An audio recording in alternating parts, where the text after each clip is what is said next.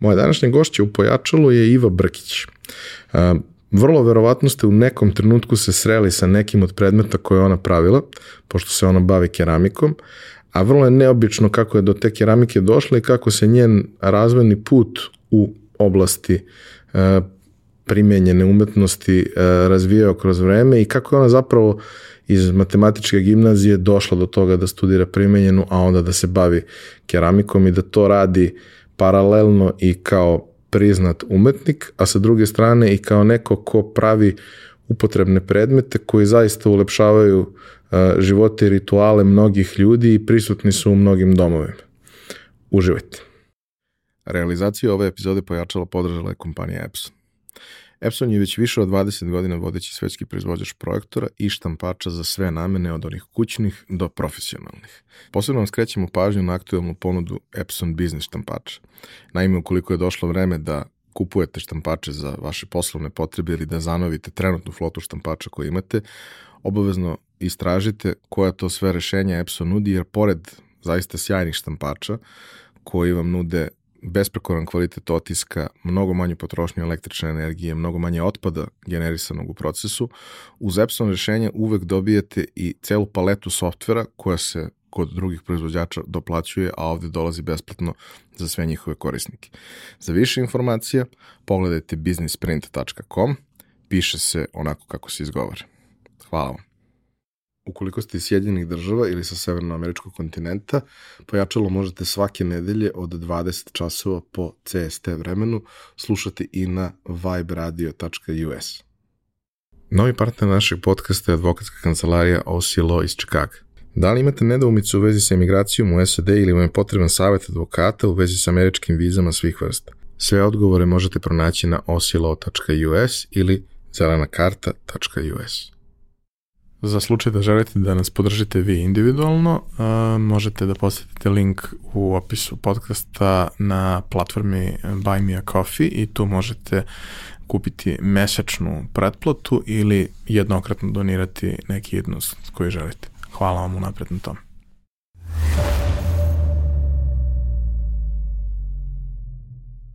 E pa Ivo, dobrodošli. Hvala. Hvala na pozivu. Uh, ti si jedna od onih uh, osoba koje dugo stoje na spisku, ali nikako da ih pozovem, jer u principu nemam poveznicu. Znači, imam znači, poveznicu... Znači nisam imala vezu, da se zna. Da. Nemam poveznicu uh, da znam nekog ko zna tebe dobro, a da smo bliski, pa da oni mogu da naprave ovaj, neku vrstu uh, introa i tako dalje, ali imam poveznicu zato što uh, znam tvoje proizvode, znam šta radiš i ja sam od onih štrebera što urade svoje domaći i istraže, jer ovaj, ako voliš da dovodiš u podcast čudne ljude, onda treba da saznaš koliko su čudni i kakvi su u suštini. Jasno. Ovaj, je to što ti radiš zaista, zaista sjajno i autentično i mislim da je to možda i ono razlog uh, zašto je toliko voljeno Ovaj, jer stvarno mislim da o, dosta smo pričali u poslednje vreme u nekim situacijama o tome kao, znaš, rič je jedna stvar, impact je druga stvar i mislim da je impact ono što u principu ljudi koji su autentični, koji neke stvari rade sa to dušom, donesu u celu priču, jer kao ti možeš da proizvedeš i ako radiš 18 sati dnevno, ti dalje možeš da proizvedeš konačnu količinu toga. Jeste ali količina sreće koju u nečijem životu donosi to što možda iz baš te šolje pije čaj ili kafu svako jutro i to je, znaš, ja, ja nemam taj ritual što ne pijem ni jedno ni drugo, ali znam koliko ljudima znači da imaju svoju šolju. Pa to šolju. se ispostavilo kao da je to jako bitno. Mislim, nisam ni ja ništa uh, unapred znala, ako je to jedno od ovih preduzečničkih pitanja ovaj, kako si počinjala i šta, šta si znala unapred ili šta, zašto, kako si zamišljala nešto. Na primjer, ja ništa, za bilo šta što sam stvorila, nebitno da li je šolja, da li je e, komad nakita, da li je skulptura, da li je bilo šta, nemam nikad neku kao e, is, isplanirani život za, za to kao posla. Predubišaj. To, to, ne, nemam, nemam to, nego jednostavno kao posjećaj. I onda se ispostavilo, evo, na primjer, ja mislim da najveća, da velika većina ljudi zna mene po tim mojim šoljicama recimo. I to, ali to, mislim, to ovako sad kad kažem nekako evo mi naglas zvuči malo bez veze, ovaj, ali nema veze. E, to nije ništa isplanirano, ali sam ja kao super srećna što sam ja tom jednom običnom predmetu dala nek, nešto autentično i neku važnost. Ja volim to tako da ovaj, da slavim te tako male obične predmete i da im dajem bitne uloge ovaj, u toku jednog dana kao što ta, na primjer, jedna šoljica. Što, pošto, mislim, volim i da pričam s ljudima koji, koji evo tako, mi govore ovaj, da imaju neki moj komad keramike i onda mi kažu, ja, pa ja tako svaki dan pijem iz toga, iz toga. Pa dobro, svi vole da su princeze na pet minuta, to je, to je možda i ovaj, zašto je, što kažeš, to tako voljeno. Evo, mislim, jedno vreme, poslednjih recimo 6-7 godina, bukvalno gde god da odeš, sa kim god da radiš, deo nekog korporativnog poklona za novu godinu ili na konferenciji yes. ili nečega je šolja.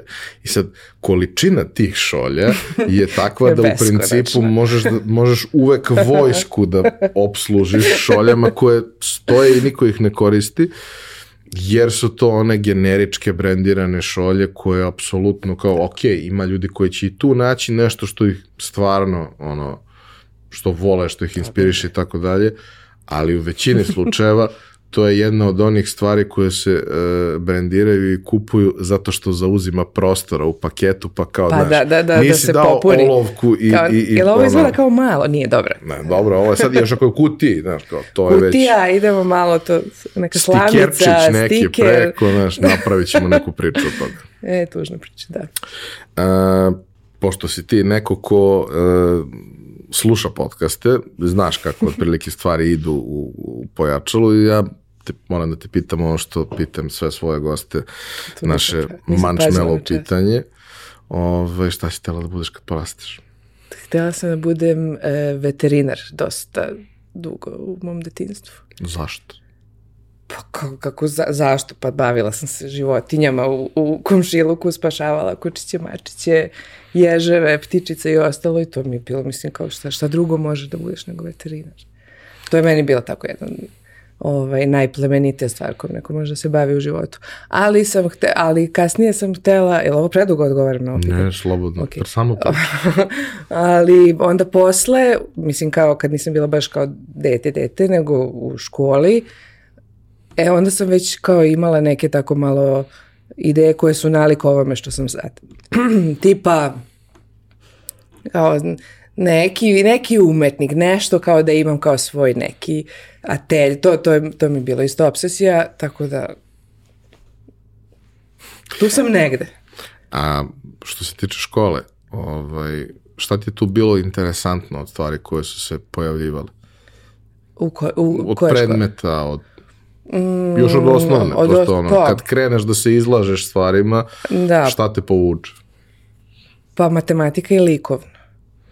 To su mi bile, mislim, ja u srednjoj školi, ja sam išla u matematičku gimnaziju, ja nisam ni imala, ta, tamo nema likovnog, to je okarakterisano vjerojatno kao nebitno ovaj, za dalju budućnost nas, ovaj, to mi je nedostajalo baš. Matematiku volim i sve te prirodne nauke ovaj, i volim i poštujem E, I to zapravo ima puno veze sa umetnošću, što, pošto uglavnom je komentar kao jo, pa kako kao matematika, pa umetno, kao kak niđe veze, ne, baš, baš naprotiv. ima dosta veze i dosta to pomaže ovako u životu, ako može nešto da pomogne uopšte, ovaj, je ta neka prirodnost i logika koja te svuda ono prati, nebitno šta radiš. A likovno, pa da, bila, ja sam bila ono talentovano dete i likovno je, kao bila sam tu jedna od najboljih. A kakav je bio profesor, profesorka? Mm, u osnovnoj školi mm, katastrofa, to je, mislim, to je ono na i profesija i, i vreme i sve, sve to, a posle onda nisam imala, ali sam zato išla sam na ove e, kao vanškolske aktivnosti, pa sam išla na slikanje i crtanje i kad sam bila u taj neki period u osnovnoj školi, išla sam kod mog profesora Charlija, koga pozdravljam, ono ako ovo sluša, o, koji je, kod koga sam naučila svašta i to mi je bio naj, ono, toliko zanimljiv period u životu i onda posle kada sam odlučila da hoću da idem na neki umetnički faks, onda je moja baba našla u, u nekom tefteru ovaj, Charlie broj telefona, kaže pa pozovi ti kao možeš kao možda kod njega da se spremaš, kao malo tako sam onda našli smo taj broj telefona pa sam opet otišla ovaj, kod Charlija gde sam se snim, snimala, bože, spremala za, za pripreme, za prijemni, za fakultet primjenjenih umetnosti. I prošla lepo. Pitam te za nastavnika, odnosno profesora, zato što zapravo u većini slučajeva ovaj, ta osoba sa kojom radiš, idealno ako je u školi, ako nije van, van toga, ako ne, onda je svaka druga varijanta dobro došla, je u principu osoba koja usadi najviše ljubav prema svemu tome. Meni je ono, i srpski, i likovno, da. i razne neke stvari koje sam voleo, a koje nisu bile baš linearno vezane za moje najjače sklonosti, to što jesu bile matematika, fizika i slične stvari. Uh, ne možeš da ignorišeš tu količinu ljubavi i posvećenosti koje, koje neko ti da. E pa to da, to apsolutno da, samo što ja to nisam imala u, u ne znam, u osnovnoj školi, kažem ti katastrofa, profesorka, nastavnice, nastavnice, nastavnice, ovaj, ali te sa tih sporednih aktivnosti, znači i taj profesor je mene posle, uh, tačno me provalio ovaj, šta, šta je moj moj smer u umetnosti nekako, koji sam ja tip i onda mi je predložio i koji smer da upišem i to. Dobar je bio, dobar je pedagog ovaj, i onda me super me usmerio i zainteresovao i sve to. Uh, A i mama isto, moja mama isto ovaj, mi je uh, baš do, dosta, dosta ljubavi prema bilo kakvom stvaralaštvu, kreativnom, ručnom radu prenela. Tako da, eto, to su, Taj moment um, multidisciplinarnosti koji postane kasnije u životu vrlo bitan da ti možeš da spojiš znanja iz najrazličitih oblasti i da od toga napraviš nešto. Mi to naravno najčešće kroz obrazovanje nemamo. Čak da, i ako smo usmereni strašno, da, da. u neku ono specifičnu oblast, ono dva stručna predmeta ne komuniciraju međusobno. Tako je, tako, tako to je da, baš žalosno i to je često. Ali ja se sećam ovaj, u, u srednjoj školi uh, da sam da je moja drugarica koja je bila đak generacije, jer je za razliku od, od, od nas ostalih stvarno bila dobar đak i posvećena, a mi smo bili sve ostalo, ovaj, da je za uh, maturski rad izabrala temu koja je meni bila potpuno čudna i sve, onda sam je pročito nje radi i shvatio koliko je zapravo zanimljivo, iako nikad nisam imao sluha, to je matematička teorija muzike. I kada to ti neko posloži na jedan lep da. način, postane jako interesantno i postane oblast koju kreneš da istražuješ. I svaki put kad tako naletiš na nešto, kreneš da istražuješ, svaš ti shvatiš koliko su stvari zapravo, koliko da, je pa harmonija stvar koja je vrlo da, da, nije u neki može da bude ono opisana. Ovaj, I to mi je nekako ono kao bilo baš, baš otkrovenje i zapravo tad sam ja krenuo da kopam svašta to kako nešto može bude povezano. Ali moram da te pitam, pošto nismo imali mnogo ljudi koji su išli u matematičku, a matematička jeste big deal. Jeste specijalno. Zaista. Stvarno specijalno ovaj, uh, kako ti je bilo tamo i kako ti je bilo tamo kao devojci koja voli umetnost? Um, pa meni super mi je bilo, super su mi bili i profesori i odeljenje i drugari sve, A, ali, šta, šta, možda šta je bitno kao ajde u, u ovom kontekstu, ovaj, tamo kad dođeš kao iz osnovne da si bio ono Vukovac pa kao takmičenja pa kao sve lala, i onda dođeš tamo i onda je 20 istih takvih ono, oko tebe i onda evo bar ja evo, priznajem ja volim da budem posebna u nečemu volim da u nekoj grupi sam se ističem po nečemu. Ne sad kao da sam ono obsesivno najbolja u svemu, nikako, nego kao da imaš tu neku jednu autentičnu tvoju, svoju stvar. A tamo su svi bili ovaj, super, wow, strava, svi su ono, e, imaju bolji kliker od mene, pa mislim, strašno pametni, ono, ljudi, mislim, deca. I men, mene to smorilo, evo, priznajem, znači, javno, bila sam u fazonu, uje, šta, šta je ovo, neće ovako. Ovaj, a isto tako mi je bilo um, sve jasnije jasnije da je kreativnost u nauci nešto što se jako teško postiže. Znači da si kreativan u nauci to je ono, ja mislim next level i meni je nedostajalo tog nečeg, kako je da budem kreativna u, to, u tome svemu. To sam shvatila na, posle u nekoj tamo treći, čet, u trećem, četvrtom, četvrtom razredu, da, ali sam razmišljala tako kao možda ipak ja da odem u, u, u ovom smeru, tu ću sigurno da budem, imam šta da kažem svoje, a ne da pratim nešto drugo, ne znam, kako, ne znam da sam dobro objasnila, ali, a da, i nismo imali to likovno tekre, ni, ni, ništa kao gde sam mogla da se nešto kao specijalno istaknem, sem iz geometrije. Iz geometrije sam bila kao super, to sam sve lepo crtala, to je, to je bukvalno bilo možda uramiš ovaj te, te kao kontrolne i sveske. a, a kako si uopšte odlučila da upišeš matematičku? Zato što kao nije baš nije baš standardan način bio upisivanja, nije, nije, nije. prijem nije bio ranije, bio je drugačiji. Jeste. Mislim, što je s jedne strane bilo dobro, jer kao Jer kako ako ne prođeš imaš je. opcije za, za, za sve ostalo, Na sve su mislili. ali nije, niko nije slučajno došao u Nije, matematičku pa gimnaziju. nisam ni ja slučajno, mislim, meni su svi u porodici matematičari, mislim, svi su završili matematičku gimnaziju i posle PMF uglavnom i to je nekako, e, nije, nije niko terao, ali je to bilo kao normalno. Mislim, sećam se, mama rekla kao, e, pa kao imaju kao pripreme kao za matematičku, ajde probaj ti, pa što, pa nema veze, ako ništa kao no pressure, otprilike, i nije bio nikakav pritisak, ovaj, nego je to tako nekako išlo prirodno, zanimljivo je bilo, nije, nije bilo, ovaj, da je bila neka presija, mislim da bi odustala odmah, pošto sam isto takođe i taj tip, ono, kad me ovaj, guraš na nešto, onda ja no, ono, neću.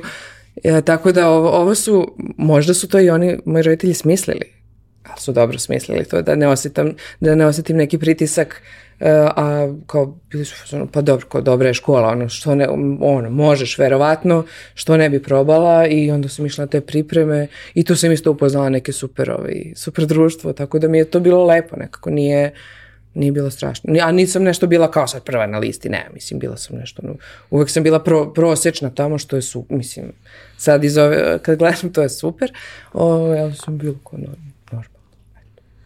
Ja se sjećam, ovaj, bila je opcija kao u periodu kad sam se ja odlučivao, kao ili da probam matematičku, ali sam ja negde otprilike u osmom razredu skapirao da neće to da bude. Jesam se ja takmičio i pobeđivao na nekim takmičenjima i bio u nekim, bio visoko plasiran, ali pošto sam išao na Arhimedes i znao znao u principu što se kaže sve svoje protivnike s kojima ću da se sretnem na takmičenjima, ja sam znao da, ne znam, 7-8 tu ljudi koje, koje znam su jednostavno next level. Znači, jednostavno mnogo nije uporedivo stvari koje oni razumeju na intuitivnom nivou, ja ne razumem kad mi objasniš, tako da ja mogu na silu da ih naučim, Da. ali u jednom trenutku ćemo se raseniti toliko da... Ja sam to, taj sam, Znaš. taj sam, imala sam taj trenutak e, posle, ne, ne pred prijem, nego, nego posle, u nastavku škole. Ne, neke stvari su mi stvarno bile, ono, razumem ovoga se nikad ne bi, ne, ne razmišljam na taj način, ne bi se setila ovako, baš je next level, neću ovde biti istaknuti član, doviđenja. Mislim, ono što jeste bilo nekako stvarno jako lepo, barem je meni mnogo značilo, jeste bio i taj Arhimedes i neka od tih takmičenja gde ti zapravo posebno u osnovnoj školi. Posle, posle su te stvari jednostavno previše teške. Ali u osnovnoj školi bar se meni činilo da svako iole zainteresovano i talentovano dete može stvarno da nauči da zavoli matematiku kroz primere koji nisu Da, da. primjeri iz zbirke, jer su primjeri iz zbirke nešto najdosadnije na svetu. Mora da se poradi na tome, ako neko sluša, nek poradi na primjerima iz zbirke. Ja se sećam recimo posle kao, znaš, ono, posle kad je došao, mm, ono, 20 godina kasnije kad su ljudi počeli da igraju sudoku i sve, kao, e, vidi magični kvadrat, kao, samo, samo kompleksnije, znaš. I kao, meni to mnogo sve značilo, iako nije imalo neku preteranu primjenu kasnije, ali, ali mi je bilo drago i ono, x puta sam posle drugarima koji ono, imaju klince koji ne vole matematiku, ja sednem sa njima i ne mogu kažem da su postali sad veliki matematičari, da su shvatili koliko razumem je taj predmet lep u suštini. Pa naravno. E sad, faks. Ovaj, uh, rekla si otprilike kako si skontala da, da to želiš, ali upisivanje opet nije baš Isto je ne- osnovna nestandardno. stvar, dođeš slučajno i sve bude super. Ne, ne, prijemni traje šest dana, um, ne znam, prva, prva dva dana je e, kao studija crtanje po, mo- po modelu, uh, druga dva dana je slikanje uh, i onda druga i treća dva dana uh, je nešto što je kao stručno za smer koji upisuješ. U mom slučaju je bilo vajanje, obično je to neka životinja, uh, dobiš komad gline, fotografiju životinje i da se vaja i nešto e, bio je kao da, da se dizajnira nešto po temi. Meni je bio set za čaj. Eto.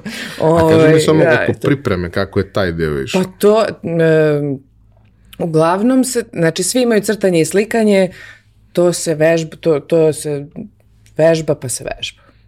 I deluje ti da si najgori i deluje ti da, da je svaki crtež užas i tako i onda u jednom trenutku procrtaš. Bar sam ja tako. Ovaj, pošto ja, kažem ti, ni- nisam, nisam baš imala dosta izvežbanu ruku, pošto nisam baš četiri godine, nisam išla u dizajnersku pa da mi je to bilo kao nešto ko dobar dan, nego sam malo nadoknađivala to intenzivnije kad sam shvatila da, za šta se spremam. Ovaj, bila mi ono ruka nerazrađena i nije mi bio dobar crtež toliko, a to je bit, mislim, ta linija, to je osnova za sve, mislim, ko, to je azbuka u stvari, bil, ko, kojim god smerom, kojim god vidom umetnosti se baviš, mislim ti treba da imaš svoju autentičnu liniju razrađenu, da ti to bude osnovni, osnovna alatka, mislim, za sve što radiš. Ovaj, I onda u jednom trenutku sam nešto crtala, ne, bila nam je, drugarica je bila model, ovaj, i nešto sam na brzinu, onako, kao kroki neki uradila, crtaž, i taj moj profesor Charlie, ko je, pošto sam ga bacila na pod, naravno, mislim, kao misleći da je jedan od mnogih koji, koji su bez veze, ovaj, i on je pitao ko je ovo nacrtao, ja rekao ja kao. On kao, e, to je to, to, to je tvoj crtaš, tako, o, ovako crtaš. Mislim, u smislu, to ti je dobar put. I onda sam nekako od tad kad sam bila da to, to najslobodnije, naj, naj, tako, najbrže što sam uradila bez ra, puno razmišljanja, ovaj, onda sam shvatila da to ušlo u, u ruku i onda mi je bilo mnogo lakše posle. A i, i tako. A ja sam se inače jako plašila da em, kako ću ja sada upišem bilo šta na fakultetu primenjenih umetnosti, ovaj, jer kao sam neuvežbana u, u tom smislu. Ovaj, i, I onda sam kao mislila, e, sad ću da izaberem smer koji ima najmanju konkurenciju. Ja ću, sa, hoću samo da upadnem na taj fakultet, nema veze šta, sve, me, sve mi je divno i s- svuda se nešto crta, stvara, radi, super. Daj nek, I onda sam se raspitala šta je naj, naj nevoljeniji smer i šta je najmanja, gde je najmanja konkurencija, to je naravno restauracija tu se ono, primaju dvoje, prijavi se jedan, ono, ili sad u posljednje vreme i tako. je. Ili ta, tako su neke male brojke u pitanju. Ovaj, ja rekao, super, tu ću, ne zanima me, bit ću presrećna tu. I onda mi je posle, ovaj, kad sam se već malo to i rasrtala i nekako stvorila taj svoj, kao, da se vidi na kom sam nivou um, crtanja, slikanja i sve to, i ovako person, mislim ovako lično, i onda mi je taj profesor rekao, Iva, ne možeš ti na restauraciju čoveče, pa ne možeš ti ceo život da, da kopiraš tuđa dela, mislim, da, da popravljaš nečije druge, tuđe ovaj, umetnosti. No, mislim, kako, kako, kako, to, to nisi ti, kao ti treba da ideš negde da se nešto stvara, neki 3D, nešto sa puno detalja, to si ti. Ja kao, do, pa dobro, kao, jo, pa kao, kako ću, ne, ne. Kaže, evo, ide, ide ti kod mojih ovaj, prijatelja, kod Strule, Strule Tajnine, oni su tu u Bigzu, imali su, tad su u Bigzu bili atelje i studiji i to sve. Ovaj, ide ti kod njih kao pa da, da vidiš šta oni rade, pa mi javi da li ti se sviđa. I ja odem u taj atelje i tu je bila i ta ovaj, moja sadašnja drugarica i koleginica i profesorka eh, Valentina Savić. Oni su imali taj atelje zajedno za keramiku. Ja sam ušla i kad sam videla sve to, sam se zaljubila i to je to. Bu- Bukvalno sam bila, e, o, to je to, to je to, ovo hoću da radim, hoću ovakav atelje, hoću, hoću to. I, I stvarno me dobro provalio profesor. I onda sam ovaj, odustala naravno te restauracije i spremala sam se to vajarstvo. Mislim, nije mi, u stvarno mi nije teško palo, nekako mi je to sve bilo lepo, lako, prirodno. E, koliko je trajalo ukupno to, da kažem, kad si krenula da se spremaš aktivno, koliko je trajalo? E, Ne znam, znači, e, baš sam loša ovaj sad, kada vrijeme u glavi ovaj, hronološki to slažem sve. Um, pa recimo godinu dana sam se spremala. Sad, Ja, manje dobro. više. znači neka količina vremena koja da, je da, značajna. da, mora, da, da, ne, ne može to kao, mislim, sem ako nisi baš neki ono wunder, ekstremni talent. Mada se za te prijemne e, nikad e, ni nije cenilo neka e, kreativnost u smislu da sad neko crta na neki način. Vrlo se školski tu gleda ovaj, nekako se škola, ne, ne ocenjuje se toliko kao neka e, fantastična kreativnost i e, neka autentičnost toliko, nego onako dobar razrađen umeš crta, da zanat. umeš zanat. Mislim što je realno i okej, jer kako drugačije da oceniš, to bi onda bio tek kuršlus. Ali, da, eto, to sam to kao lepo. Pos, posle se ra- razvijaju te personalne veštine i autentičnosti. A, kako ti je bilo na faksu? Šta ti je bilo tu najinteresantnije? Ko su bili neki ljudi koji su te i, i od kolega iz generacije ili generacija pre i posle i od Mm. profesora ko su bili ljudi koji su ti potvrdili da je to što do to ima E, smisla. pa da, to je e, dobro pitanje zato što je to stvarno jako bitno. Em, imali smo na faksu, mislim, puno umetničkih ovih predmeta, ali tri za keramiku, za moj smer, najbitnije, to su posudna keramika, unikatna keramika i dizajn. I od ta tri predmeta je bilo tipa šest profesora, a od tih šest dvoje su ovaj, meni e, barem bili strašno bitni i ovako kao i kao profesori i kao mm, podrška i da ti otvore neki ono nove prozore to su e, Lana Tikveša i Velimir Vukićević. On je, to su mi profesori sa unikatne keramike. Ovaj, to, to su stvari, to je skulptura. E, i tu taj nivo i rada sa, e, sa studentima i kako, se, i kako se prolazi kroz sve te zadatke na tim predmetima, to je meni bilo potpuno prelepo. Znači, to, tu se prolaze sve žive tehnike e, građenja skulpture sa, od raznih, sad ka- kažem, glina, sa raznim glazurama i tako. Znači, bukvalno prođeš sve i onda je to je što je dosta korisno i onda, i onda ti nekako kroz taj ceo proces vidiš šta ti možda leži, šta ti ne leži i jako je bitno da taj e, pro, pro, proces traje dugo.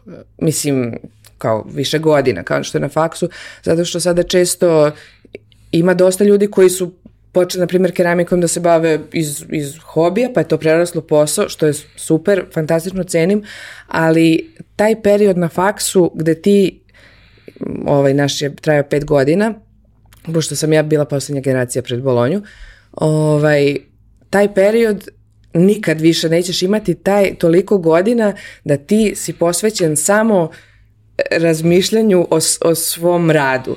Znači, da ti niko ne stoji nad glavom u smislu moraš sad, ne, ne, nego tvoj jedini zadatak je da razmišljaš o tvom radu i to vreme razmišljanja i promišljanja toga što ti stvaraš, to nikad posle nemaš više. I tu, tu se stvaraju te neke, taj lični pečat i to što svako posle nosi sa sobom po čemu je prepoznatljiv. I ja sam sigurna da nisam išla na taj faks, sigurno bi na, naučila bi ja tehničke stvari, verovatno, mislim, to svako može YouTube, mislim, svi mogu sve da nauče za džabes, ali to vreme je najvrednije od svega, za, e, to, e, koliko smo mi vremena provodili razvijajući skice, e, pa prepravljali to, pa probavajući da, da se napravi nešto, pa to propadne, pa ovako, pa onako. Mislim, to je stvarno, ne, ne može da se zameni ničim i zato mislim da je faks bitan, ne kao sad je to neki moj elitizam, kao sad nisi završio faksa, pa se keramiku, mislim, ne mislim to, nego ljudi koji su završili faks tačno imaju, tačno se vidi e, da, je, da je više vremena provedeno u, u tom razvijenju ličnog pečata. O nečemu Ja što mislim da je tu ono, jedna od najvažnijih stvari i taj moment da ti zapravo imaš vrlo strukturirano znanje. Da to što te nije zanimalo si i dalje morao da prođeš, pa ne znaš da li će možda da ti zatreba. Ako Da. neće, super. Super, ako Ali hoće, može da. se desi da te iznenadi i to, To sve. isto, taj da, da. moment kao tehnološki procesi, oni su interesantni. I ja sam ih gledao, ja mnogo volim da gledam na YouTube-u ljude Da, koji da. rade. Znači, odem tako i gledam kako ljudi rade. I ono, znaš kao, kako je postigao ovaj efekat, nađeš, pogledaš pet klipova i u principu ti znaš kako da. Da, da. postigneš taj efekat. Ali da bi zapravo razumeo šta sve Mhm. postoji, neko mora da te provede kroz to, jer ti sam ćeš naći nešto i uhvatit ćeš se toga i nikad Da, da, nećeš to će izaći biti onako okvira. krnje polovično. A, da. A kaži mi samo, uh, znači držiš se onoga što, što je keramika, koliko je faks uh, organizovan tako da ti ako si se opredelila za taj smer, da ti to bude kor, a da ti ostale stvari budu usput. I kad počinje uopšte? Kao često na fakultetima usmeravanje krene od treće godine, a ti se na prve dve godine zamrziš i to što si upisao. Da, pa ne znam, uh, sad da li da zvučim grubo. Ja mislim da se ba- niko na tom faksu koji je zadužen za organizaciju i, i, i ovaj, nije razmišljao o tome što si ti sad rekao. Uh, taj faks je super iz mnogo razloga, ali iz mnogo razloga ga je pregazilo vreme. Zato što kad je, e, kada su ti svi smerovi i predmeti i zadaci u tim predmetima osmišljavani, tad je ovo bila druga država koja je imala e, i druge industrijske grane koje sad nema, na primjer. Na primjer, fabrika, fabrike keramike, stakla, gde si ti mogu da se zaposliš kao dizajner. Mm, Zamisli to sad. Sad mi to ne, čak ne postoji, fa, mislim, ne postoji, u ovoj zemlji ne, naš smer se bavio, e, zvao e, kera, e, keramika i staklo. I onda je to staklo izbačeno zato što niti imaš ko da ti pokaže, niti imaš gde da ga sprovedeš. E, I onda, što se tiče to je tog industrijskog dizajna, tog dela keramike, to, to, ti predmeti su tada smišljeni da bi znao da se snađeš kasnije u tim sada Sistemima. nepostojećim sistemima. A što se tiče unikatne keramike, e, tu si razvijao svoju kreativnost, autentičnost, originalnost, sve, E, zato što je bilo verovatno, mislim, slušajući priče starijih kolega, normalno da ti posle imaš da je to da prodaješ, imaš e, klijentelu, mušterije koje se to se kupovalo, ne znam, za, za razne prilike i za opremanje stanova i sve, tipa, dobro sad, neću ulaziti u te, ali shvata, shvataš ovaj, i, i onda sa, a to vreme sad više ne postoji. I sad ti kad si završio taj faks, čestitamo, nezaposleni ste. Ono, mislim, e, nismo, mi reč nismo rekli o, na primjer, ceni. Cena se nije pome... Znači, možda se, možda se, dobro, ja sam završila faks 2011. da se ogradim. Ne znam da li sad pričaju o cenama i bilo kakvim prodajama, ali mislim da o tome mora da se priča, jer kao šta ćeš ti da radiš? Mislim, ne, nećeš da mislim, neće tebi neko kucati na vrate i kao je sad ćeš ti, ne znam, na- da. E, tako da ti razgovori se nisu vodili. E, ništa što, što bi me kao spremilo za život posle. Ja sam imala posle faksa prvi neki kao to je smešno. Kontaktirao me neki holandjanin koji e, ima neku on je biznismen, e, bavi se saksijama, distribucijom sak, i izradom, distribucijom izradom, recimo, saksija za cveće i vaza i tako svega toga. I ja sam kao u tom periodu kao imala moj mali bedni sajt, gde sam imala ono tri neke bedne slike, ali kao trudila sam se i on je video te neke kao, kao vazice su bile neke bele tako iskrivljene, ovaj, a one su bile male, volišne.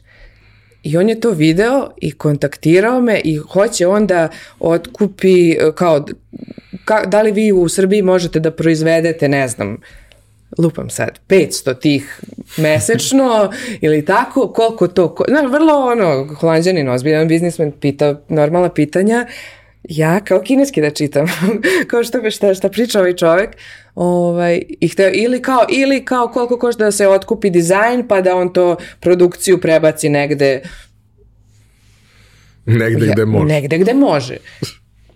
I ja kao računam, ja kao pa moja peć je, moja peć je 50 puta 50, znaš, ono, mo, da. mogu da stanu tri te vaze, ta, po, po njegovoj zamisli i kao puta 260, da, kao trebalo mi još, kao 360 godina bi mi trebalo ovaj, da napravim to sve. Ovaj, a to su, na primjer, ti neki, eto, to je naravno ništa ne ispalo od toga, iako sam ja ovaj, bila jako počastovana što mene neko kontaktira, I ja sam sa drugaricom i koleginicom išla na sastanak sa tim čovekom. On je ozbiljan čovek, mislim, on samo nije znao kak, koga pita. o, ništa nije bilo, na kraju smo mi napravili neke uzorke i onda nismo znali šta da mu odgovorimo, kako, kako da otkupi kao dizajn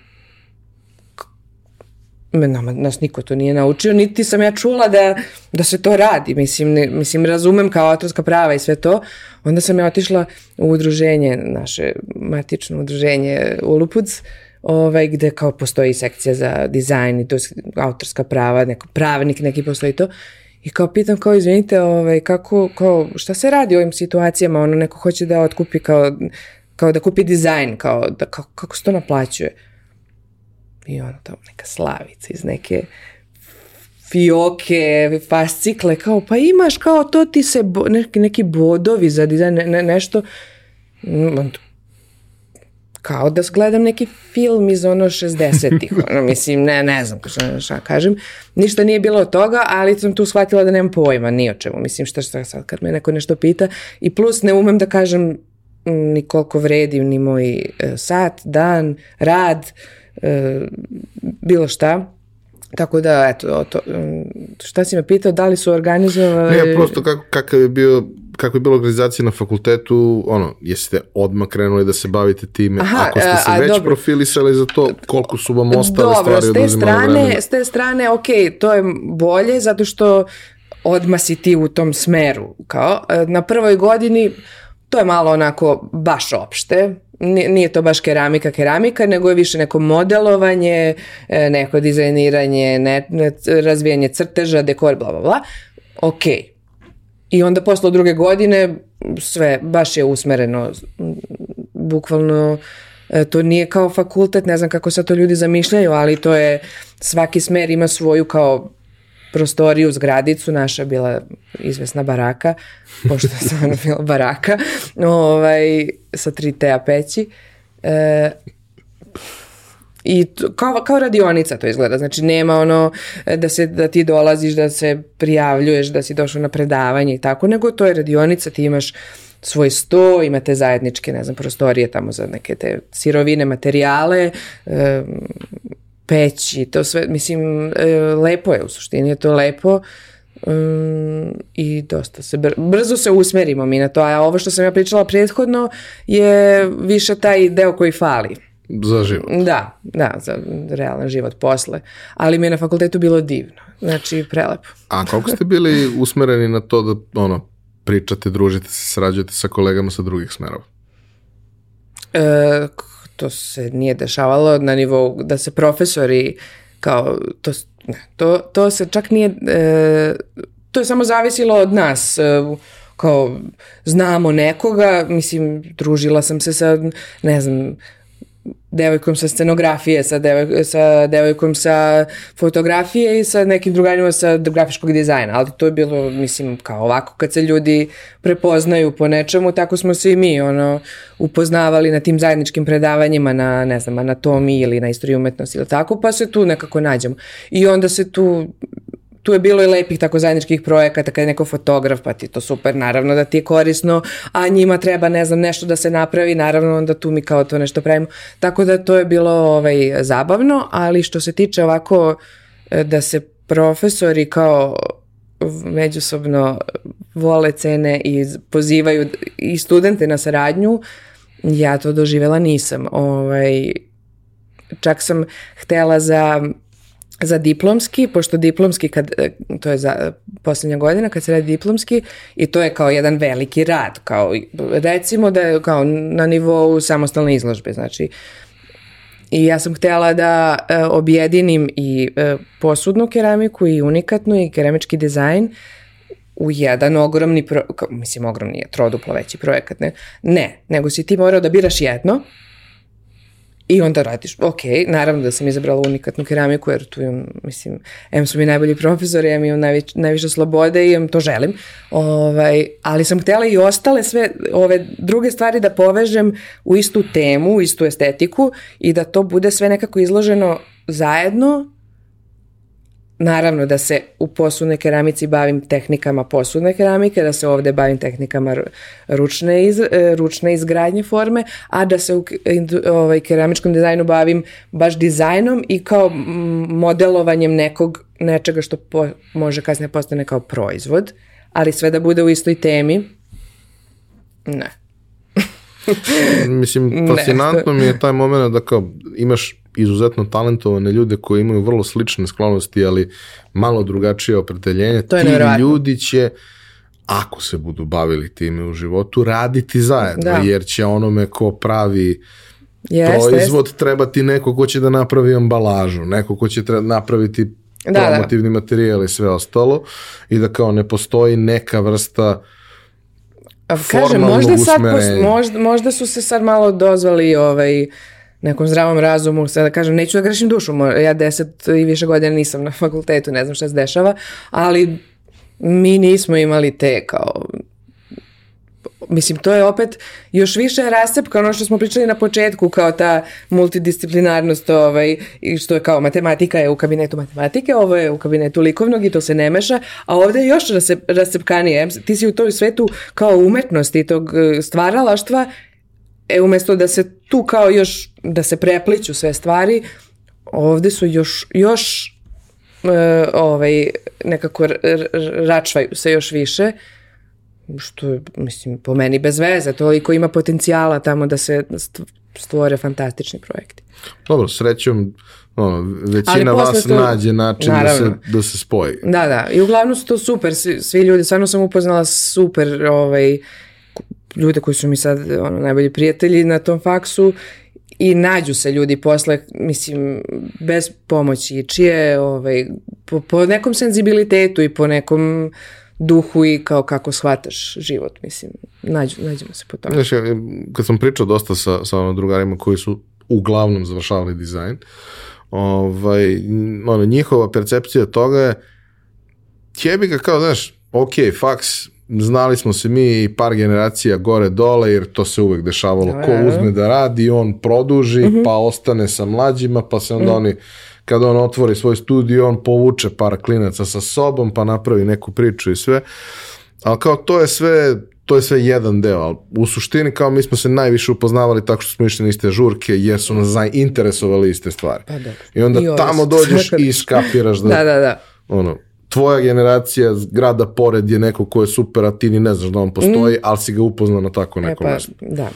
Što da, je, da, mislim, ono, slično. neformalno vrlo, ali, ali makar na nivou mm. duha postoji jeste, neka, jeste, neka vrsta to, to, jedinstva. Da. I dobro.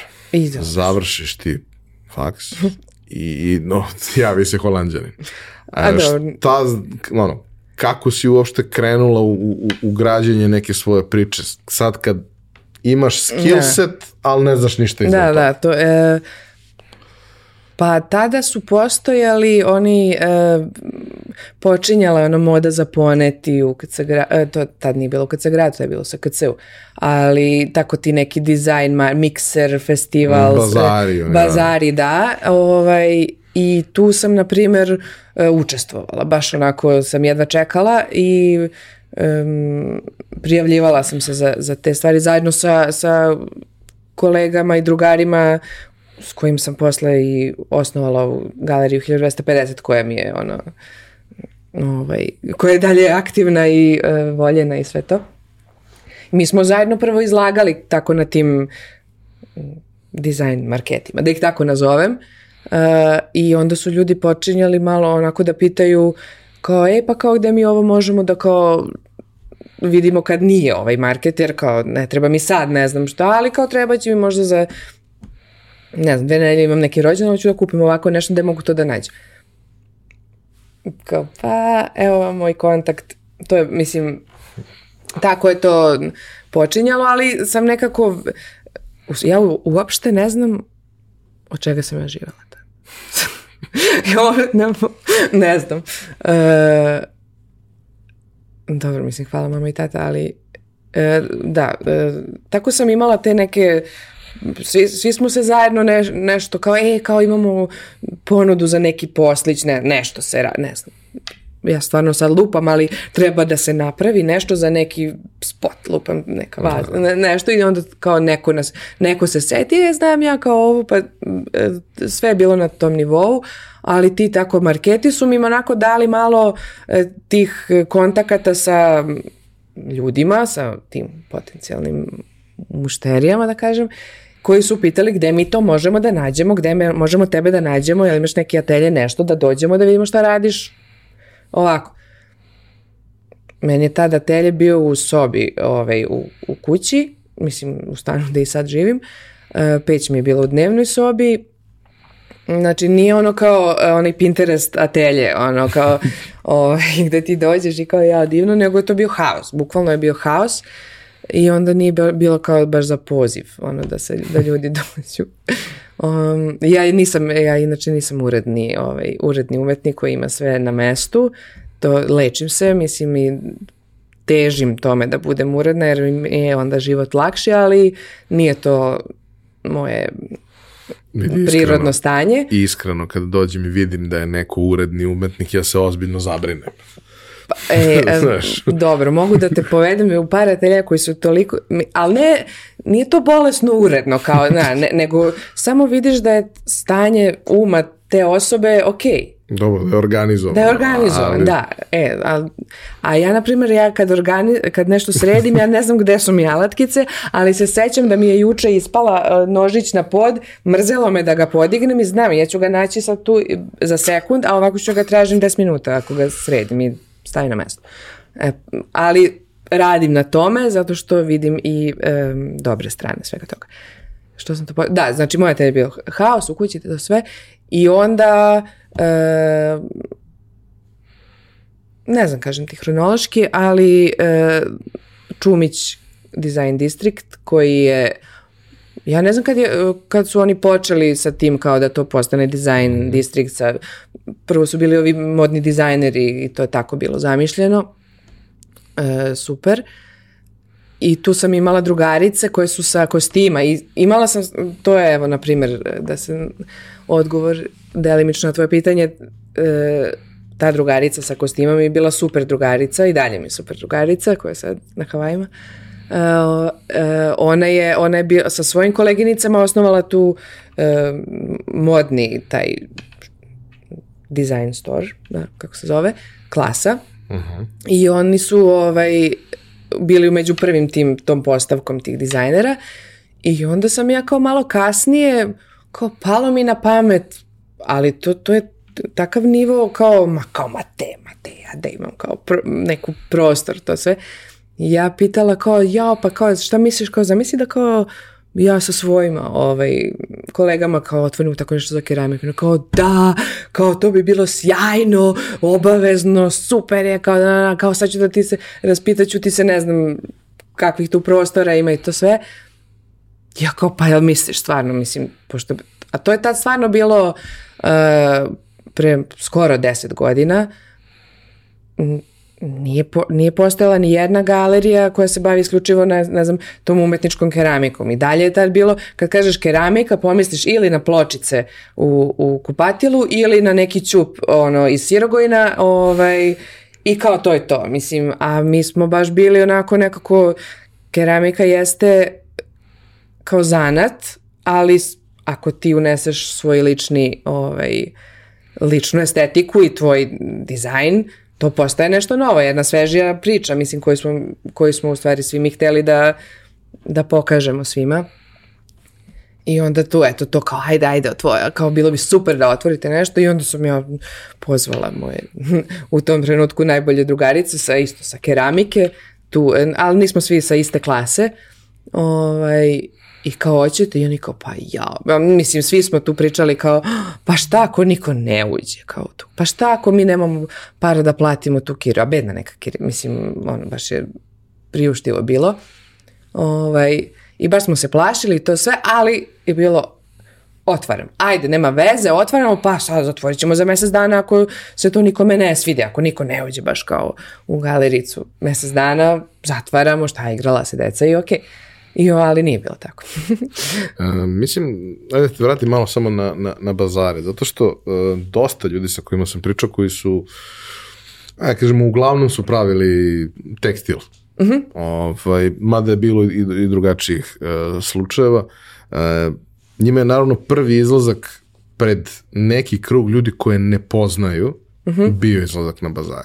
Jer na, svi su ja. krenuli sa tim tako što su napravili nešto drugarima se svidelo, uh -huh. pa su oni napravili drugarima, pa se malo proširilo i tako dalje. Ali to je sve hobistički i to nije ozbiljna priča.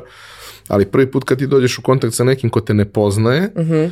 idealno sa više od jednom osobom koja te ne poznaje i ti dobiješ neki feedback. Uh -huh. Sad, ne mora on uvek da bude idealan, ali osetiš neki sentiment, vidiš vidiš da se neko oduševi, pa sad možda oduševi se, ali ne kupi onda verovatno nešto sa cenom ili da, sa ne, da, da. ali dobiješ neku objektivnu povratnu informaciju i znaš šta sa tim nekako to, možeš da radiš. Pa ti, ti komplimenti, mislim, mi umetnici od, od toga živimo. to, to nas ono diže iz kreveta.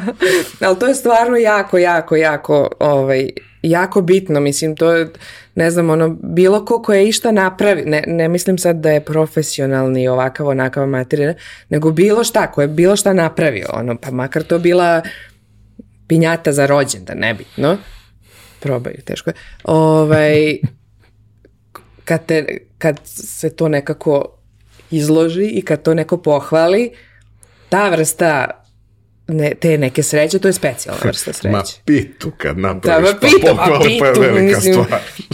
Bilo šta, ali shvataš to, ta, to kad ti neko pohvali, kad neko prepozna u stvari tvoju kreativnost, to je, speci, to je specijalni folder, specijalna sreća. Znači, to, i to stvarno je nešto što ti toliko da energije i, i volje za, za tim da nastaviš, pošto ima toliko stvari koje zbog kojih možeš da prestaneš, tako da to se, e, to je baš izniveliše.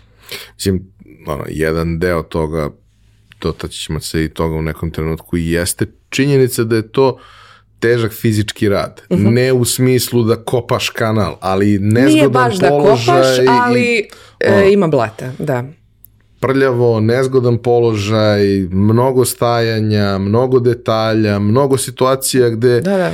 1% nešto nije ispalo kako treba, kad prođe ceo proces da. upropastiti ono da, na da, čemu da, dosta, si radio. Dosta je za mazohiste cela keramika, ovaj, e, i dosta je muški, po, mislim muški u smislu, ja sad sad... Fizikalije, dobro. Ovaj, fizikalisanje baš, mislim, e, glina je teška. Mislim, ni, ništa što mi unosimo u atelje nije ispod 20 kila u jednu paku. I to, mislim, lift nam ne radi u ateljevu. Nemamo pristup liftu. Uh, i, i sve to, i ti da zamesi, to, na primjer, ja, se, ja uglavnom radim, evo možda nisam pomenula za svo vreme, u porcelanu, da čisto jednu, ovaj, jedno um, popularno mišljenje, porcelan spada u keramiku.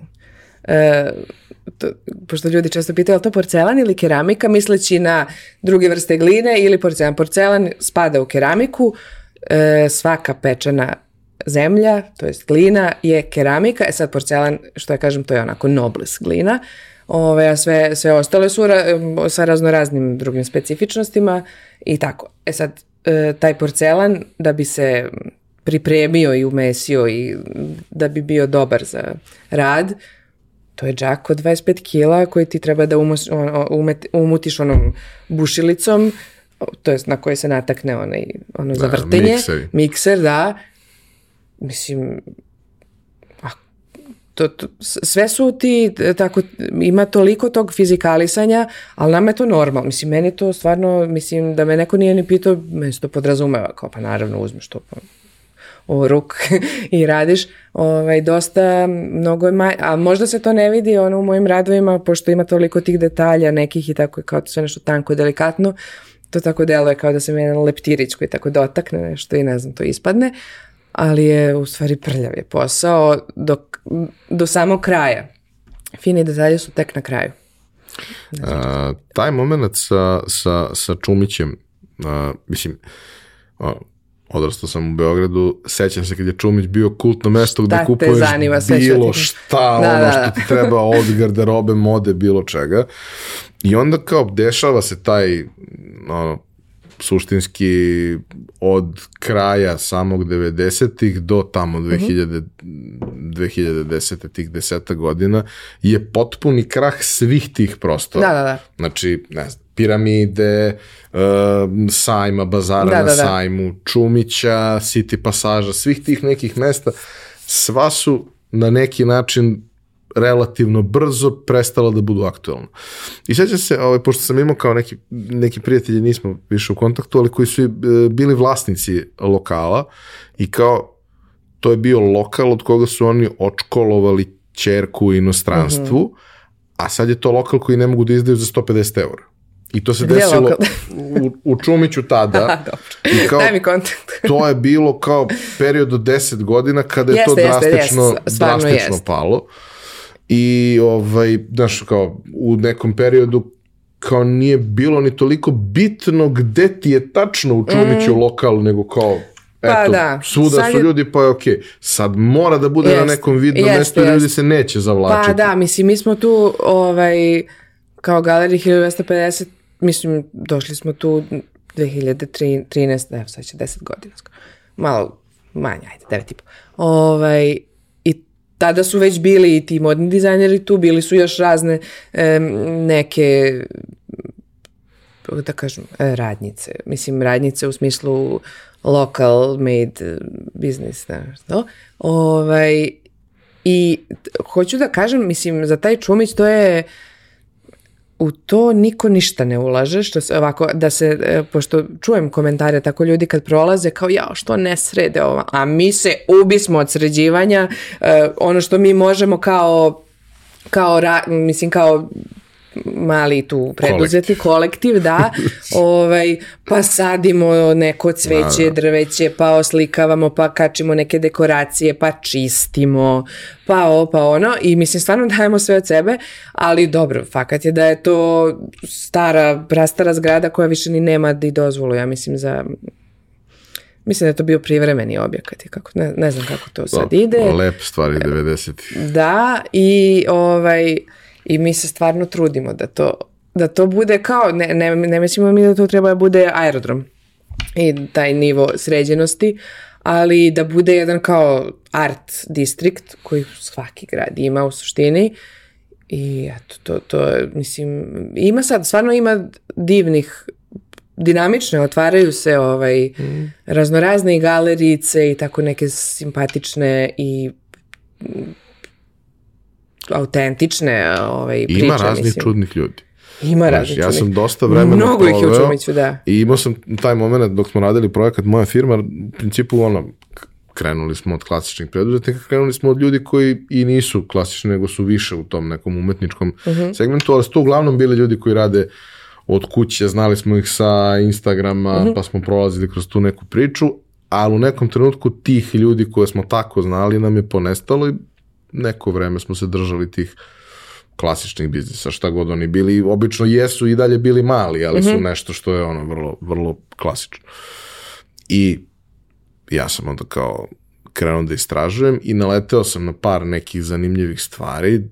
Došli smo, ne znam, radili smo sa Dekijem iz Spice Upa mm -hmm. intervju, pa smo radili sa Masnikovićima da, da, da. i tako dalje. I kao, čekaj, čekaj, čekaj, čekaj, čekaj. Mislim, mi, mi smo došli ciljano to da uradimo. Kao, ovde ima još gomila nekih čudnih ljudi, ajde da vidimo ko su, šta su i najčudnije radna vremena. Znači, to je, to je ono, ludilo. Ali onda Možemo da sedneš pričamo i popišeš i vidiš i sad kao, znaš, ok, ti popišeš neke stvari, ja sam posle toga još dva put išao i popisivao. Mhm. Jer naravno menja se, a i ti ljudi koje smo obišli, ne znam, ono kao uh, um, deki sa kamen dizajnom je jedna stvar bila pre pet godina, druga je sad. Ima smisla da prođeš, da obiđeš. I meni je to postalo jako važno iz kao dva razloga. Prvo, ima neko ko je skupio čudne ljude na jedno mesto. Ovaj, Se sami skupimo. a Pa, ok, ali kao, Neka neko vas je organizovao. A druga stvar, kao, znaš, došli smo do toga da je zapravo postalo jako teško uh, ljudima kupiti poklon koji će nešto da im znači. Sad ja ne volim da kupujem upotrebne stvari ako ne znam da ljudi vole nešto Da, da, da, da. specifično, jer vrlo je teško. Pričali smo ono u pripremi koliko smo postali malo opterećeni više tim stvarima i kao, ono, brate, kupit ću ti voucher za Da. nešto i lakše mi je tako, ali ako znam ko voli ne- nešto specifično ili mi Da, se da, da. gađa sa tim, ja ću otići da potražim i da nađem nešto i obilazit ću redovno da znam šta ima, da bih kad planiram za naredne dva meseca šta treba da, Da, da. kupujem od poklona, dođem i kupim sve odjedno. I tu sam Ti stvarno planiraš uvek toliko nailazio- da unapred Da, da, ja sam inženjer. Ovaj, I uh, uvek mi je to bilo kao interesantno i za inspiraciju i za sve. Ako sam tu u gradu, ako imam još ono 30 minuta parkinga, Da, napravit ću krug. Da, Možda ništa ti- neću možda. kupiti, ali ću napraviti krug i svratit ću kod Dekija i pozdravit ću ga i verovatno ću da uzem neke, neke začine uvek. Ovaj, ali ću da vidim šta sve tu ostalo ima i stvarno sam tu viđao sjajne priče. Bilo je i tih situacija gde vidiš nešto, to ti bude simpatično, pa za četiri meseca kad prođeš toga više nema. A to isto daje neku čar, moraš priznati. Pa ja sam Ja Da. sam inženjer, ja volim predvidljivost. E pa ali sve je to okej. Znači Da, sve je to okej mi- jer se pojavi nešto novo. Tako je, zato što, je nama je, nama, kad kaže nama, mislim kao svim tim, neću, umetnik mi je tako, ne, e, imam problem s tom, s tim nazivom. da Ne, to to mi je još lakše, još gore. gore. Da, ovaj, ali mi ti takvi, e, volimo da imamo e, da, da stvaramo novo. Mislim, super je kad imaš nešto što se super, recimo, prodaje, ne znam, neko smisli neke minđuše koje su, ono, svi živi hoće i strava, sigurne pare, ono, napraviš, znaš da će da se proda, mislim, fantastično, ali isto tako, posle nekog vremena, to je naš mali luksuz, koji mislim da imamo pravo da imamo, e, je da stanemo sa nečim i da krenemo u nešto novo. Jer bismo crkli od osade. Ne, mislim, ono, E, pričat ćemo, vi, vi da. u suštini možete uvek da eksperimentišete i da probate stvari. To je mnogo lepo kad imaš nešto svoje i lupam. Imaš četiri police i na tri Da. su stvari koje su ti... Jeste, jeste. Ali jedna je nešto što ti hoćeš da probaš, pa ćeš da vidiš i Ali, kako on, su ali dobro, neka, ali je sve, e, možeš da paziš da sve vreme imamo konačan broj ruku i prstiju. Kao i svi ostali. Mislim, ja sam ja sam tradicionalan čovjek. Znači, mene kad, Primetila sam. mene kad moj brat uh, Johnny iz, iz uh, braći Burazera iz Dečko Cara pita a šta bi volao da vratimo u klasike? Medveda. Me, medveda, medveda i oktopus. I, znaš, ono, ja stvari koje zavolim, Da, da. ja ću da ih zavolim u svim bojama. Ali ću isto tako i da odem i da u svakoj kolekciji nađem tri majice koje mi se sviđaju E, i da ih kupim. I to je to. I kao, da, nije se desilo i neće se nikad desiti da negde odem i da mi se sve sviđa. Znači, Da. ono, odem u Apple i ne sviđa mi se sve, ali kao izabrat ću ono što je meni ok i naći ću način kako ja to da uklopim i to ne mora nikom drugom da bude jasno. I obično i nije. A meni jeste, Legit. meni ima smisla. I sad, a, ok, e, kao, galerija jeste jedno centralno mesto gde ljudi mogu da vide i tvoje Da, da. radove, ali i tu I- neku da, da. generalnu energiju koju vi, koju vi imate i neku estetiku koja je karakteristična, ima Da, različitih da. stvari. Sve, da, da, to je različite stvari, ali se nekako dobro uklapaju. je. Skladno je, da. Skladno je. To. E sad, a, i kada sam pitao ljude u, u prethodnom periodu koga bi voleli da vide u podcastu, odnosno čuju, ovaj, nekoliko puta su slali preporuke za tebe. Oh, I ja sam im svima rekao, "E, bit će samo da postignem, ne mogu baš sve da stignem u, u istom trenutku. Ja pozdravljam ovom prilikom te ljude, hvala. Ali hoću da ti kažem da postoji vrlo jasna distinkcija i postoji vrlo jasan razlog zašto oni baš tebe hoće i zašto vole baš te tvoje predmete. E sad, kako izgleda taj proces od toga mi smo se igrali i napravili nešto da vidimo šta će da se desi, m, znaš, kao šta se dešava tih deset godina i koliko ti u tom celom procesu zapravo učiš i o sebi i o svojim kupcima, ali ne ono, ne biznis Da, da, znanje da, da. kako ću ja sad, nego prosto to su ljudi koji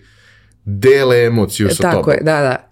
Pa, e, št- znači odmah mogu da kažem da mm, ja nisam nikada pročitala neke te knjige o biznisu i to kad smo otvarali tu galeriju, nisam jednostavno ni, nisam ja sad kao uzela, e kao, sa kako se pravi biznis plan, zato što to nije ni bio biznis, jer to je bilo daj, hoću da radim, to jest da radimo ono što volimo i za što smo se školovali i što želimo, pa ako se to nekom svidi, super. Ako ne, šmrc. A, Ovaj, Build it and hopefully they will come. da, eto, to je, znači, moja knjiga biznisu, eto, savjet broj jedan, to je to. Uh, ali, um, šalim se, nije sad kao da, da sam ja kao, jao, pa nije ništa, ne znam ništa, ne znam, pa kao, ne mislim da nisam ništa napravila, ne, ne, ne mislim da nisam tako lažno skromna.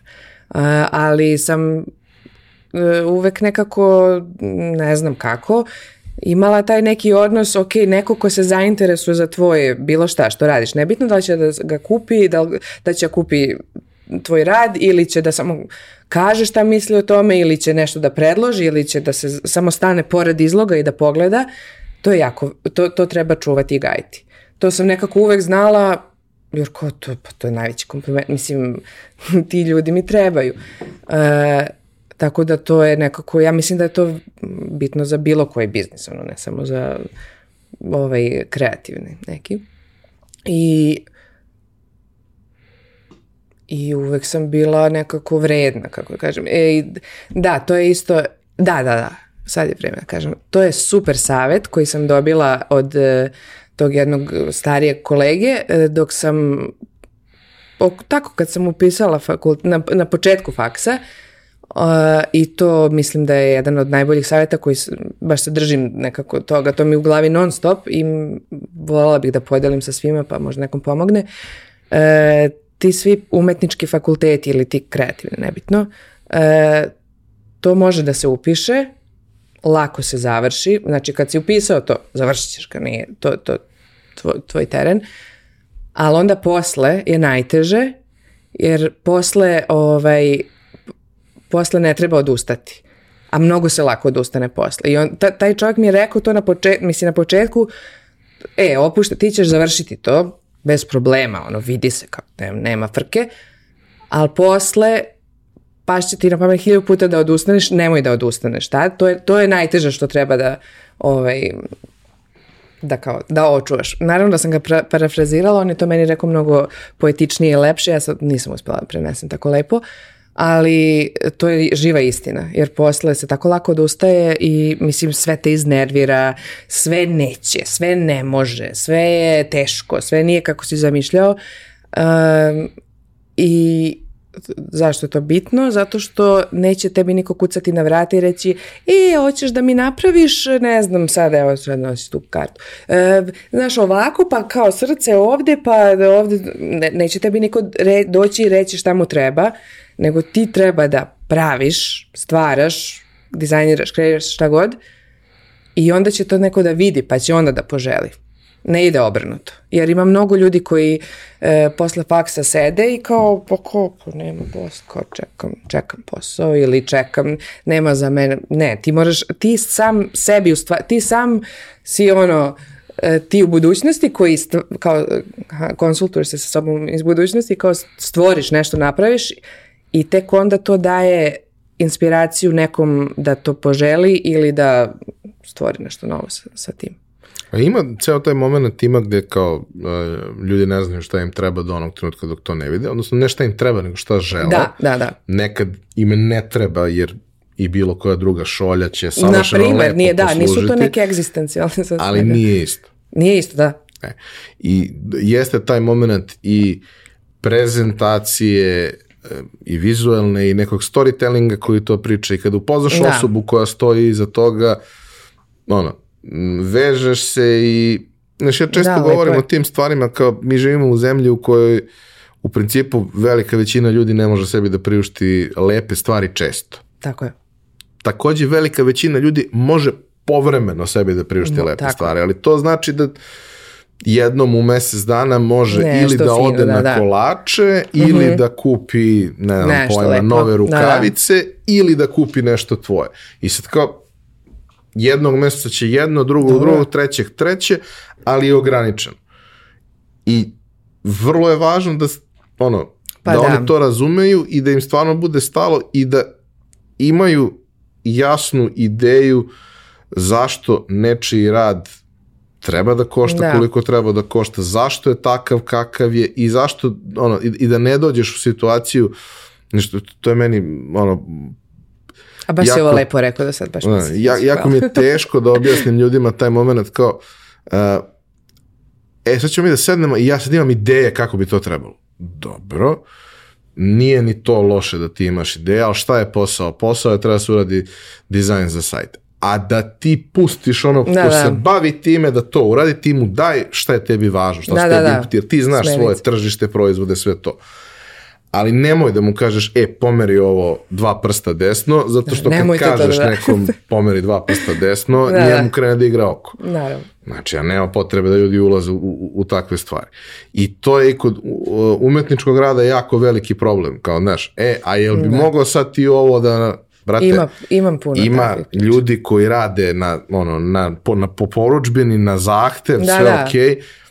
Ovo je moje. Jel možeš da, ti da je, to sam uklopiš ovo imala, moje u da, svoju imala priču? sam ja, imam, imala sam neko dosta dugo vremena tu kao, e, kako ja kažem, klackalicu. Često, mislim, e, ljudi pitaju ne iz neke loše namere, naravno, nego pitaju ja bi mogla ovo ovako, onako i sad ja kao malo ono, ranijih godina dok sam bila i nesigurnija u sebe i siromašnija i, i sve to, prihvatala sam razne tako neke projekte, mislim projekte, te poručbe da kažem, i pokazalo se svaki put kad taj neko ima hiljadu zahteva, ovako onako, ja se trudim sve dam od sebe da to sve ispunim i da ispoštujem, jer ipak, bože, pa taj neko mene kontaktirao, pa ono, hvala mu, sve, klanjam se i to.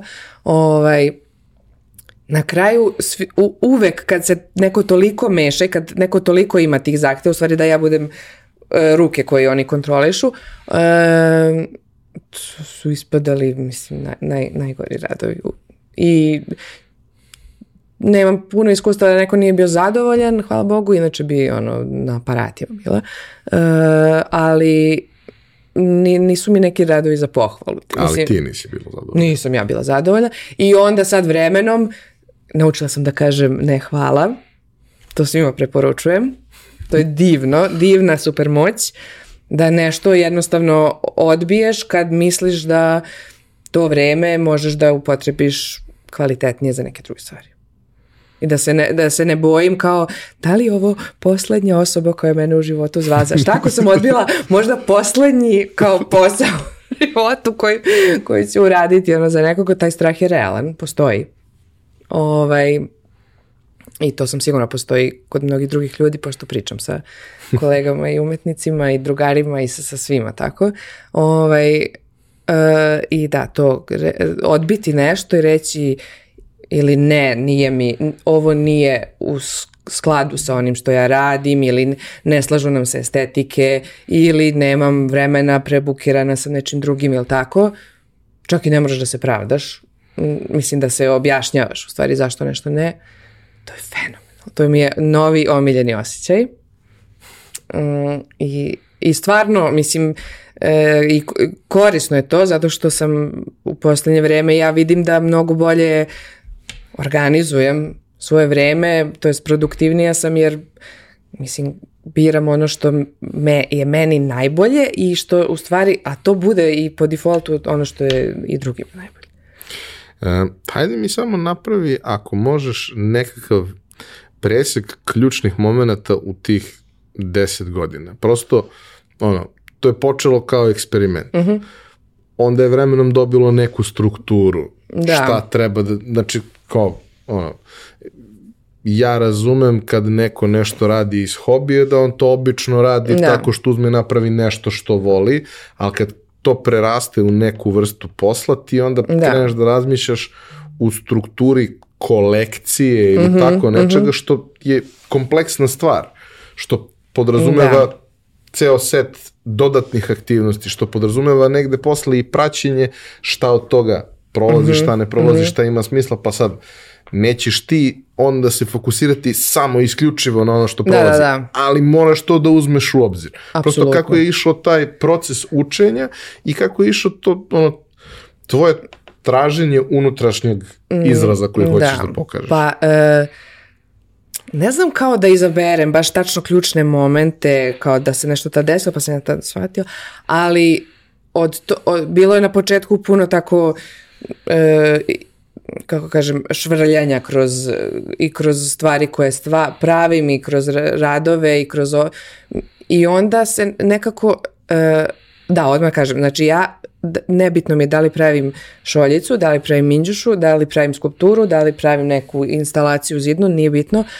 E, u bilo koji taj predmet ja unesem ono, sebe bez, bez nekih, e, nikad se ne ograničavam, kao ja, ne, kao ovo mi je, ovo je kao glupi mali proizvod, kao tu ću kao da budem, kao, da, da ga otaljam, nego u sve nekako, bitno mi je da sam to ja, nekako, da, da stojim iza, da, da stojim iza svega što sam napravila. E, ja mislim da je to nekako s tim korakom, kad si takav sam sa sobom i kad tako kreneš, onda nekako stvari, ja mislim, idu prirodno. Pa neke stvari koje si napravio, m, mm, uopšte se nikom ni ne dopadaju. Da, dešavalo mi se milijardu puta nešto napravim i ja kao, ja, što mi je ovo super, neka vazica, ne znam, za jedan cvet, ja kao smisla nešto, niko nije primetio. Ok, mislim, primetila kao moja mama i drugarica, ali uh, imam i te momente naravno, ali imam i ove gde sam nekako ubola mm, neku i, i, i estetiku, ali i neku kao priču e, koja povezuje e, moj rad sa, sa nekim ritu, malim ritualima koje ljudi imaju, vole i cene ovaj, u svojim životima. E, I to su, na primjer, te Alisa šoljice, pa mislim, to, kažem ti, bez, raz, bez ovaj, lažne skromnosti, to mogu kažem da mi je nešto što je kao prepoznatljivo moje i jako sam ponosna i srećna zbog toga. I cela ta tu neka, ta propratna Alisa u zemlji čuda moment, to je nekako moja igra, onog tu gde se, gde se osjećam najsigurnije i nekako to, to nekako sve vreme se gradi Mislim, imam neke uzorke ovaj, pre, pre deset godina tih šolja. Mislim, to je tako rekao kad mi skao, ja imam kao što si mi pravila još pre, ne znam, devet godina. Ja ne, nemoj to da... Ali nekako je, Ali šalim se. šta je ta šolja preživjela za E, pa da, i onda i, i vidim da je dalje to nekom kao bitno i, vre, i, i čuva ga na specijalnom mestu i tako to. To mi je stvarno, ono, srce mi puno. Mm, tako da s te strane to ide tako uzlaz, mislim uzlazno, e, ali ja sam imala i ne, jedan, imam jedan kao moment ovde kao u ispovedonici nekoj, imam jedan ovaj problem, e, a to je e, što uporedo tako što taj kao da kažem, biznis, mislim, ta, ta priča lepo kao ide, ne znam kako, kažem, nisam nikad uh, išla na biznis uh, coaching i. Coaching i sve to. Mislim da samo treba biti ono dovoljno da slušaš sebe i da si racionalan. Mislim, nemaš stvarno da budeš ono ok, ja sam racionalna i slušam sebe i recimo da je meni to lepo me vodilo kroz, kroz taj kao biznis moment i transparentna sam i sve lepo ispričam, kažem, nekako ne, ne krijem tajne za nata i to, to, to mi je grozno, te ovaj malograđanski ovaj momenti. Uh, ali uporedo s tim, ja kao ja imam i svoju kao umetničku karijeru, ono, e, izlažem po svetu i na bitnim tim bijenalima, izložbama, muzejima i to. E sad jedno je, mislim, nemam, dan je dosta kratak i onda nekad zapostavim jednu, jednu vero, o, mislim, ove, tu izlagačku. Ne, ne, za, ne. zapostavim tu izlagačku, ovaj, pošto uh -huh. Infostan stiže svakog meseca. ovaj, e, zapostavim tu tako, to, je izlagački moment. E, ali sam, uvek sam se trudila da bar imam jednu ili dve inostrane izložbe godišnje. A to je isto kao sad specijalna priča, mislim šta, šta je to? To je, to je čist moj luksus trošak i, i tako ono, pucanje na duge staze da se gradi neka ta ovaj, pa ime da kažem, mislim, opet zvučim pretencijozno, ne želim to. E, to, to, me, to nekad zapostavim jer kao ja na, kao napravim neku novu kolekciju, lupam sad, evo, čaj za zaljubljene, ne, nemam tu kolekciju, ovaj, ali napravim, to je kao, to se super proda, svi to žele, hoće ova da fotografiše sa ovim, sa, nekako baš bude kao super, ja presrećena i u stvari svaki, svaki normalan preduzetnik mi rekao, ok, sve ostalo ostavi, udri po ovome, kao ubola si, kao šta ljudi žele, e, ja tu imam neku malu kočnicu, tako ne, ne, neću da se zaletim u samo tu jednu nišu, jer, jer mi je to dosadno. Možda to nije pametno ovako ekonomski. Ja mislim da je to vrlo pametno ako razmišljaš na duge staze. Eto, hvala. kratkoročno, verovatno iz toga možeš da izvučeš mnogo, ali ćeš ti onda da budeš ona što pravi to. Da, da, da. I e, kad e, ali, to prestane, više nije bitno. Da, mislim i dalje mi je super što to mi je u stvari na, onako u karijeri u životu bitno mi je da imam, imam nekoliko, da me, na primjer, e, ti me znaš kao neko ko je napravio, ne znam, tvoju omiljenu šolju. Ovaj, tamo me zna kao neko ko ima moju neku sliku mm, ili u, u stanu. Ovaj, tamo sam pravila nešto za neko snim, mislim, e, vol, volim da sam tako na, na više frontova. Mislim, iako je to možda te, malo se rasipam nekad, ali ne, bilo bi mi dosadno da je suprotno. Mm, ja mislim isto da je jako bitna stvar da ko je u prilici može tako da organizuje svoj posao i vidi sebe u toj vrsti izraza, ove, ovaj, da napravi stvari koje su različitog nivoa kompleksnosti, različite cene, da. jer kao neko ne, ili ne može ili ne želi, nije ni važno, ali u ovom trenutku želi samo detalj, želi samo nešto i to je skroz ok.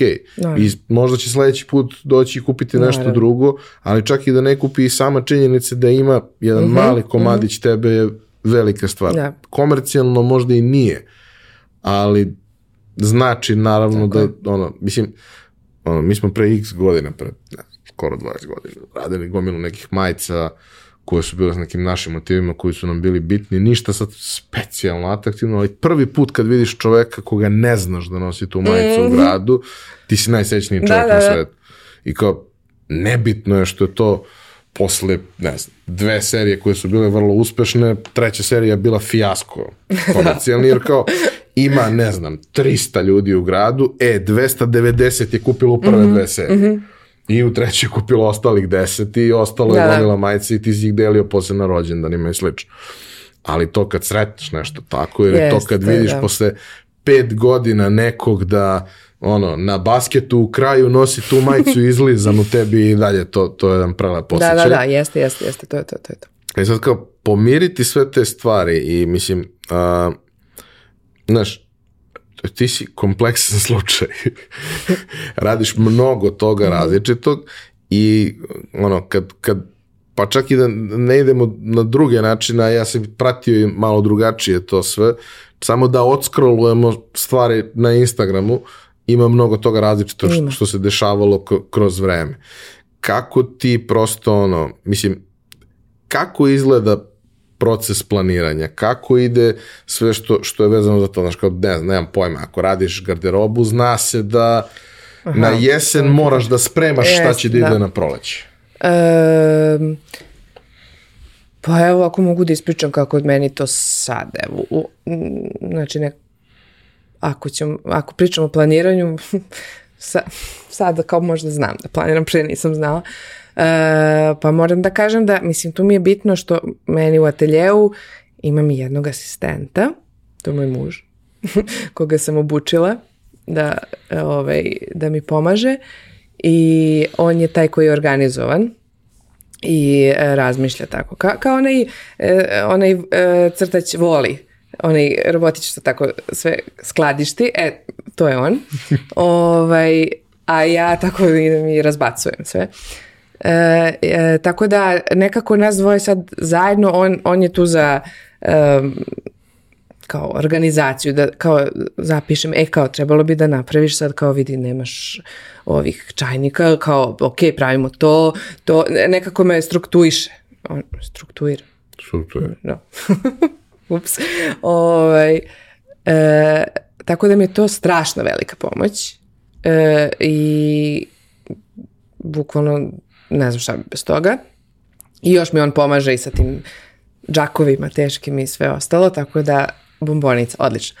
E, ja obično radim, e, svaki dan imam nešto od tih kao mojih standardnih stvari. Znači on, da se ovo izlije, da se ovo ošmirgla, da se ovde naprave, ne znam, drškice, da se ovde oslika cetić. To, to mi je nekako podeljeno kad dođem u atelje, pošto sad mi je atelje van, van kuće, hvala, znači atelje i stan u istom e, ne nikako, ovaj, treba izaći i otići na svoj posao, ba, mislim, jer ovako stalno, si ovako stalno na poslu, ovaj, iako misliš da kao nisi.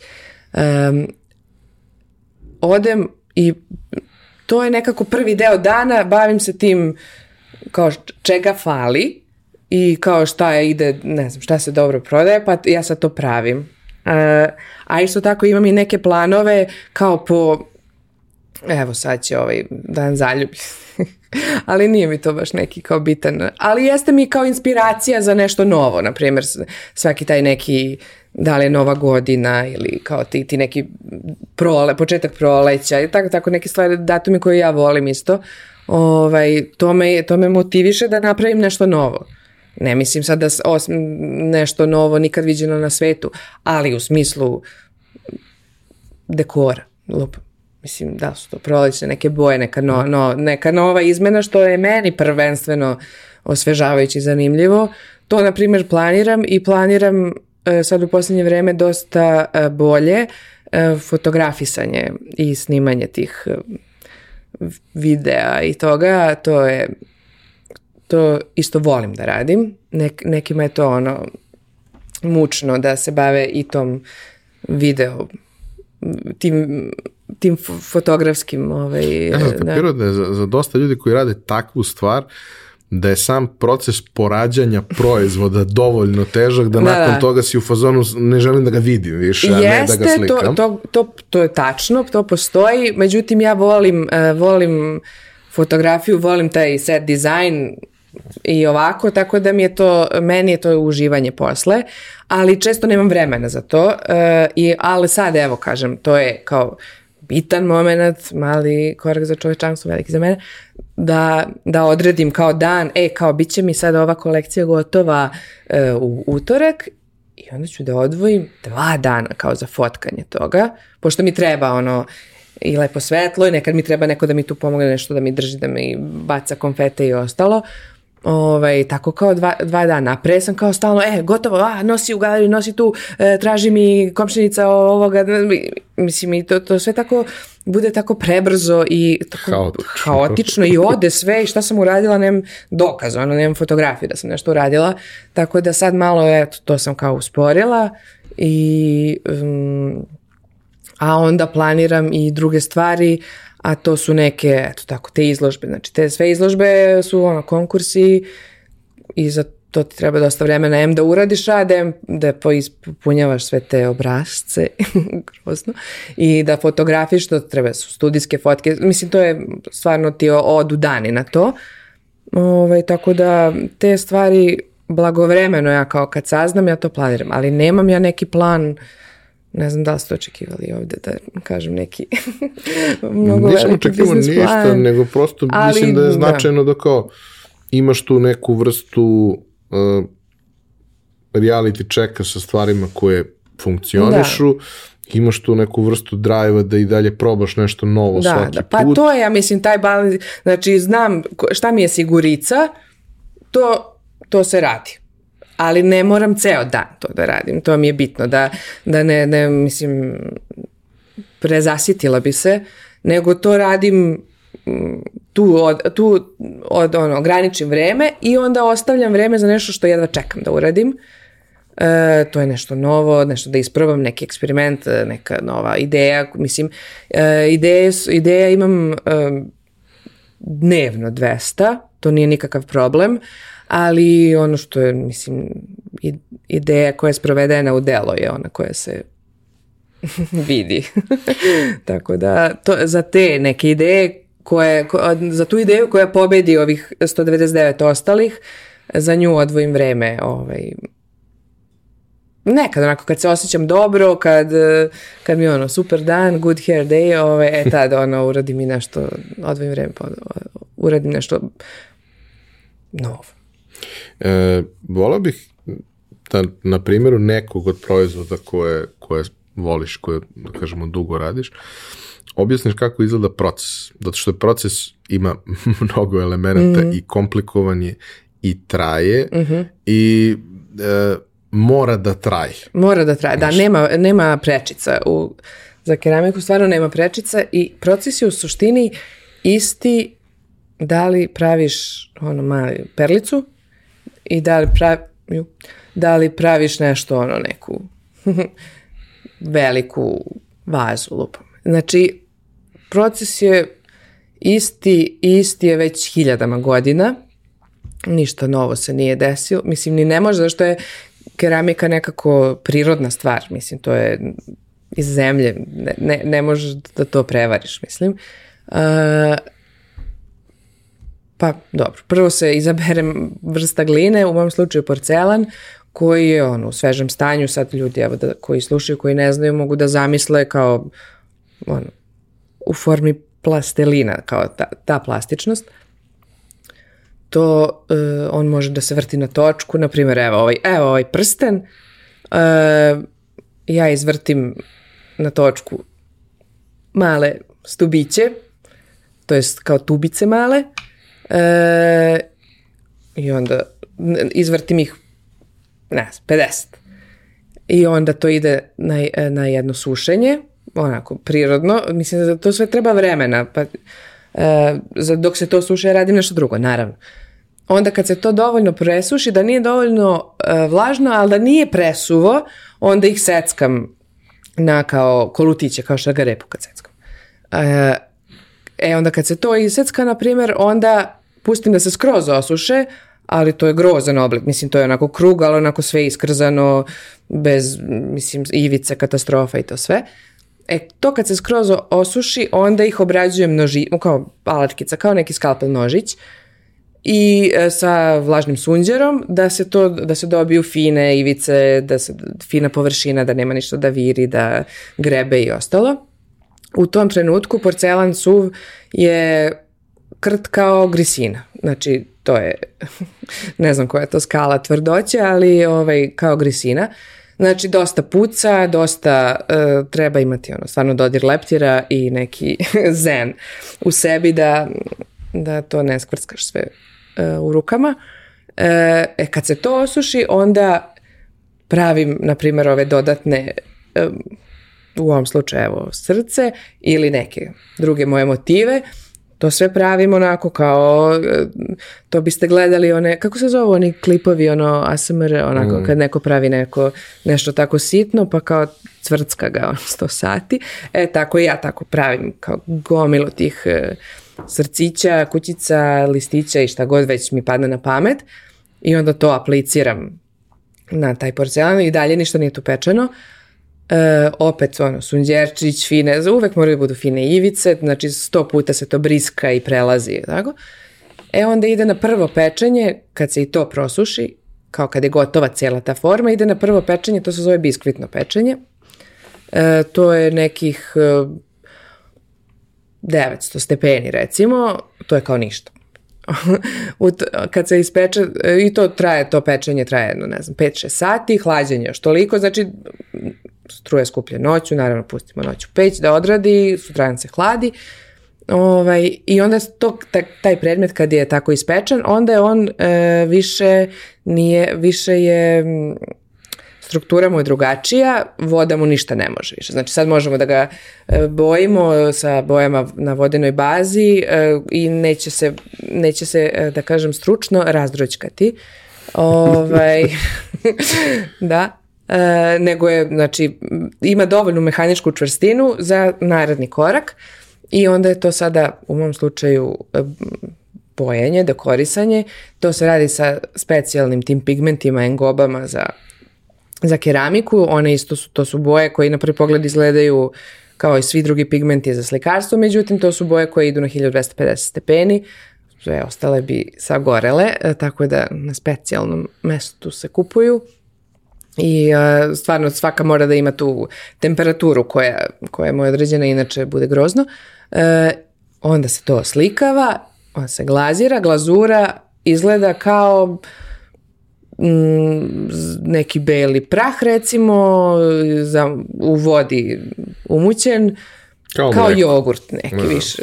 Ajde, između mleka i jogurta recimo i onda se to taj predmet umoči u tu glazuru to izgleda sada kao sve belo, kao da se ništa neće biti. U mom slučaju, kad pričamo o transparentnoj glazuri, ima ih milijardu drugih vrsta, ali evo, kao pričam za taj jedan moj predmet. Um, I onda se najbitniji korak da se zabriše dno.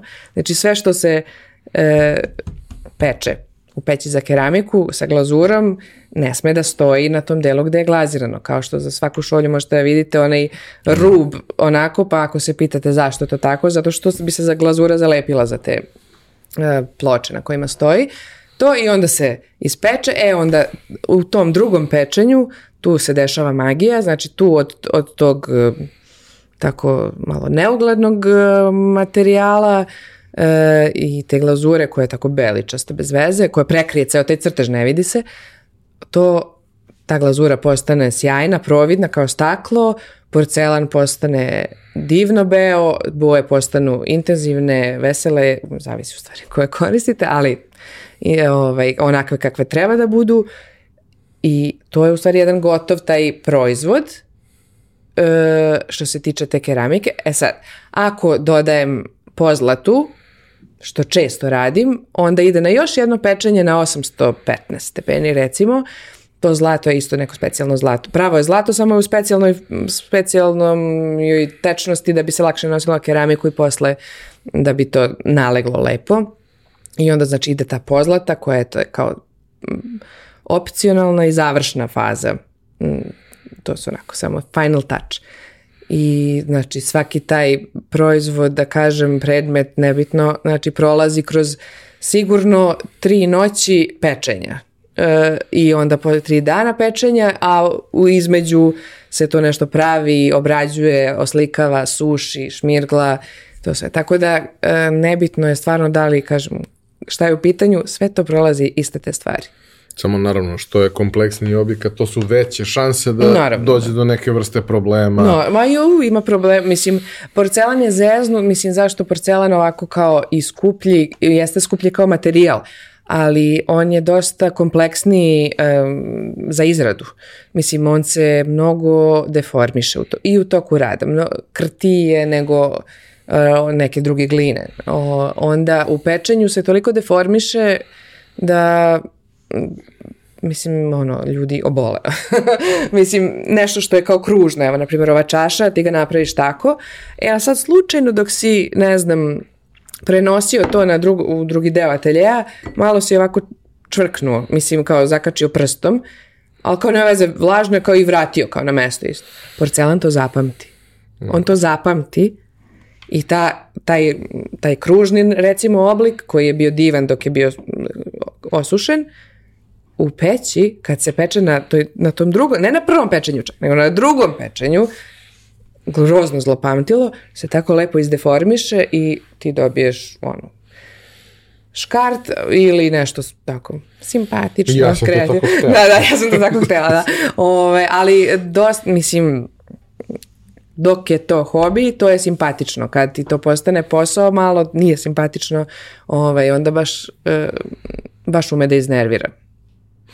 A, ako se ja dobro sećam kad sam pričao prvi put o, o, o tome sa mm, nekim ko se time bavi, razlika je i u finoći Mhm. i razlika je u tome što uh, predmeti od porcelana mogu da budu pre, fin, finiji, Tako, da, tanji, mogu Jeste, da imaju... zato što porcelan nema, evo šta je kao ako ikoga zanima, em, sve druge gline u sebi imaju neke uključke tipa neki šamot, neki, neka vrsta peska, neka, i zavisi od mesta gde se kopaju. I to su te čestice koje su e, krupnije jednostavno, granulacija je takva da je krupnija. A porcelan je najfinije, to je kao neka pavlaka, mislim, ja samo ne znam da li ste primetili, sve upoređujem sa, sa hranom, ovaj, ali dobro, to mislim, zato što je to je slično. najbolji način da ljudi dožive Tako je, kako pa mislim, svi koristimo hranu, da. Ovaj, tako da porcelan je kao neka tako krem sir pavlaka. Ono, mislim, e, zato što nema tu, nema tu, kako da kažem, armaturu od tih nekih krupnih čestica. I onda se lakše i deformiše i lakše se skljoka, opet jedan stručni izraz, kad se vrti na točku. E, tako da sve je komplikovanije, ali mi je na, ali najlepši. Najlepši. Da, ono što ispadne na kraju je... Jeste, sve ne to može da se mislim, ne, ono, svak, kao svaka čast svima, Ovaj, ali e, i, i druge gline stvarno imaju svoje divne e, potencijale i zavisi kako ih iskoristiš. Mislim, može, sve može da i- izgleda fantastično ako je dobro, kako da kažem, ako je u ruke dobrog umetnika upalo. Mislim, ali meni, meni je za moj senzibilitet porcelan najlepši jer sve ispada tako na njemu tako jarko i vedro i le- lepe su mi jednostavno boje i tako ta finoća i ta tankoća čak i providan kad se onako ka suncu malo stavili ka nekom izvoru svetla je providkast. To je mislim isto jedna lepa stvar. E, Sećam se da sam e, gledao baš za, za nakit ovaj, nekoliko različitih glazura i kako se ponašaju i taj moment kao ti si nešto napravio, sad ti umočiš kao i toga više nema, Da, da, da. je zastrašujuć kad ne znaš šta se dešava, Da, da, jer to- si to to prvi put došao i gledaš. da. Ovaj, ali onda kao vidiš kroz ceo proces kako, kako sve to izgleda. A, zapostavili smo taj umetnički deo koji radiš, a to jeste nešto zbog čega uh, zbog čega si ti meni iskakala kroz razne vrste medija sa, sa nekim zanimljivim projektima i stvarno to je i prilika da nešto više ljudi saznaju o tebi, da nešto više kažeš, zato što ove regularne stvari, one su prilika da ljudi dođu u kontakt sa Tako tvojim je, tako proizvodima, to je sve okej, ali ako nisi, ako te ne sretnu u galeriji ili te Da, da. negde ne sretnu, neće saznati ništa Pa jest. iza toga ko je ta osoba. A ovo je ipak negde način da, da malo vidi kako razmišljaš i, i tvoj izraz i zašto baš to i da kažeš par Mhm. tih nekih stvari poput onog pitanja koje te sigurno neću pitati. ovaj, a pitanje je gde nalaziš inspiraciju. ovaj, ali um, to su sve zahtevni projekti. I to su sve uglavnom uh, projekti gde uh, s- s- neka vrsta konkursa gde ti apliciraš i ne znaš Ne, da li ćeš da. da. prođeš. Ok, vremenom ti već pohvataš malo jel, Da. finese svega Jeste. toga i šta je ono što, što se očekuje i kako to treba. Vremenom naučiš da popunjavaš užasne formulare. Tako to, je. Ono, to je prosto ono, postalo normalno. Ali e, prvo, šta to tebi znači i št, koje su bili neki tu trenuci koje stvarno pamtiš kao nešto što ti je bilo važno? Pa, em, što se tiče tih e, e, izla, što se tiče kao izlaganja po, po inostranstvu, ovaj, to je, ja ne znam da, op, mislim, to je meni, ja to obožavam. ovaj, e, to, je, to je prilika da se, e, da se izađe iz svog malog e, beogradskog dana i sveta i da se vidi šta se šta neki drugi ljudi tamo rade i da se malo izmestiš kao ne ja možda fizički nego kao da tvoj rad ode u, neki, u neku drugu postavku, mislim, ne, nekako da, da ga vidiš u nekom drugom svetlu, u nekom drugom, mislim, prostoru čak i postoje izložbe koje, ka, kao što u tenisu postoje, ne znam, Grand Slamovi, tako i postoje i ovde nekak hjerarhija izložbi što se tiče ovog našeg malog univerzuma, keramike. To je te unikatne keramike. Ovaj, I ja sam učestvovala na, do, mislim, da, na dosta izložbi, ali prva mi je bila kad sam još bila student i zato mi je, zato kažem, e, ti profesori koji su bili na unikatnoj keramici, oni su mi dosta pomogli. Mislim, ne da uradim nešto, nego kao rekli su mi za konkurs, rekli su mi je mogla bi, na primjer, ti je, ova, mislim, inspirisali su me nekako i rekli, pa što da ne. E, I onda sam ja poslala neku, u, e, to je u Švajcarskoj bilo i sad e, taj u, muzika Ruž ima, to je bijenale keramike, svake godine neka druga tema i te godine, e, ne znam koja sam je bila godina, tipa četvrta. Nije ni bitno. Ovaj, je bila tema šoljica sa tasnicom. E sad, mislim, ja kad kažem šoljica sa tasnicom, to je kad se stavi ta tema, to je za umetnike, znači samo odskočna daska, znači nisu to sad kao sve žive šoljica sa tacnicom, to je tema da se umetnički izražaš, izraziš, ali mislim na, na raznim nivoima i on, to je baš onako zanimljivo kad je ta tema tako obična, a očekuje se nešto jako neobično. I ja sam tu napravila jednu belu šoljicu što je imala no, nožice ovako od, kao tanke od neke žice, uh, a imala jednu malu fiokicu, kada je imala duplo dno, fiokicu za kockicu šećera, ne, mislim, i e, onako, onako izgledala kao Tim, Tim Bartonovski izgledala skroz. I naravno, to se nije promenilo ni da, dan danas, poslala sam posljednjeg dana ovaj deadline. e, I ja kao to poslala, kao ajde, i onda sam bila, i bila sam primljena to. Znači, to je najveća sreća na svetu, ono, da te, i mislim, to, tu učestvuju, ono, umetnici, nije kao studentska neka izložba koja je bitna kao ja, ja ne znam, ja sam porasla 10 santima, ono, sigurno, mislim, da. I, I onda mi se to svidelo, ali to je, mislim, te izložbe su divne i stvarno upoznaš tu i stupiš u kontakti sa tim ljudima koji rade u tim institucijama i to sve.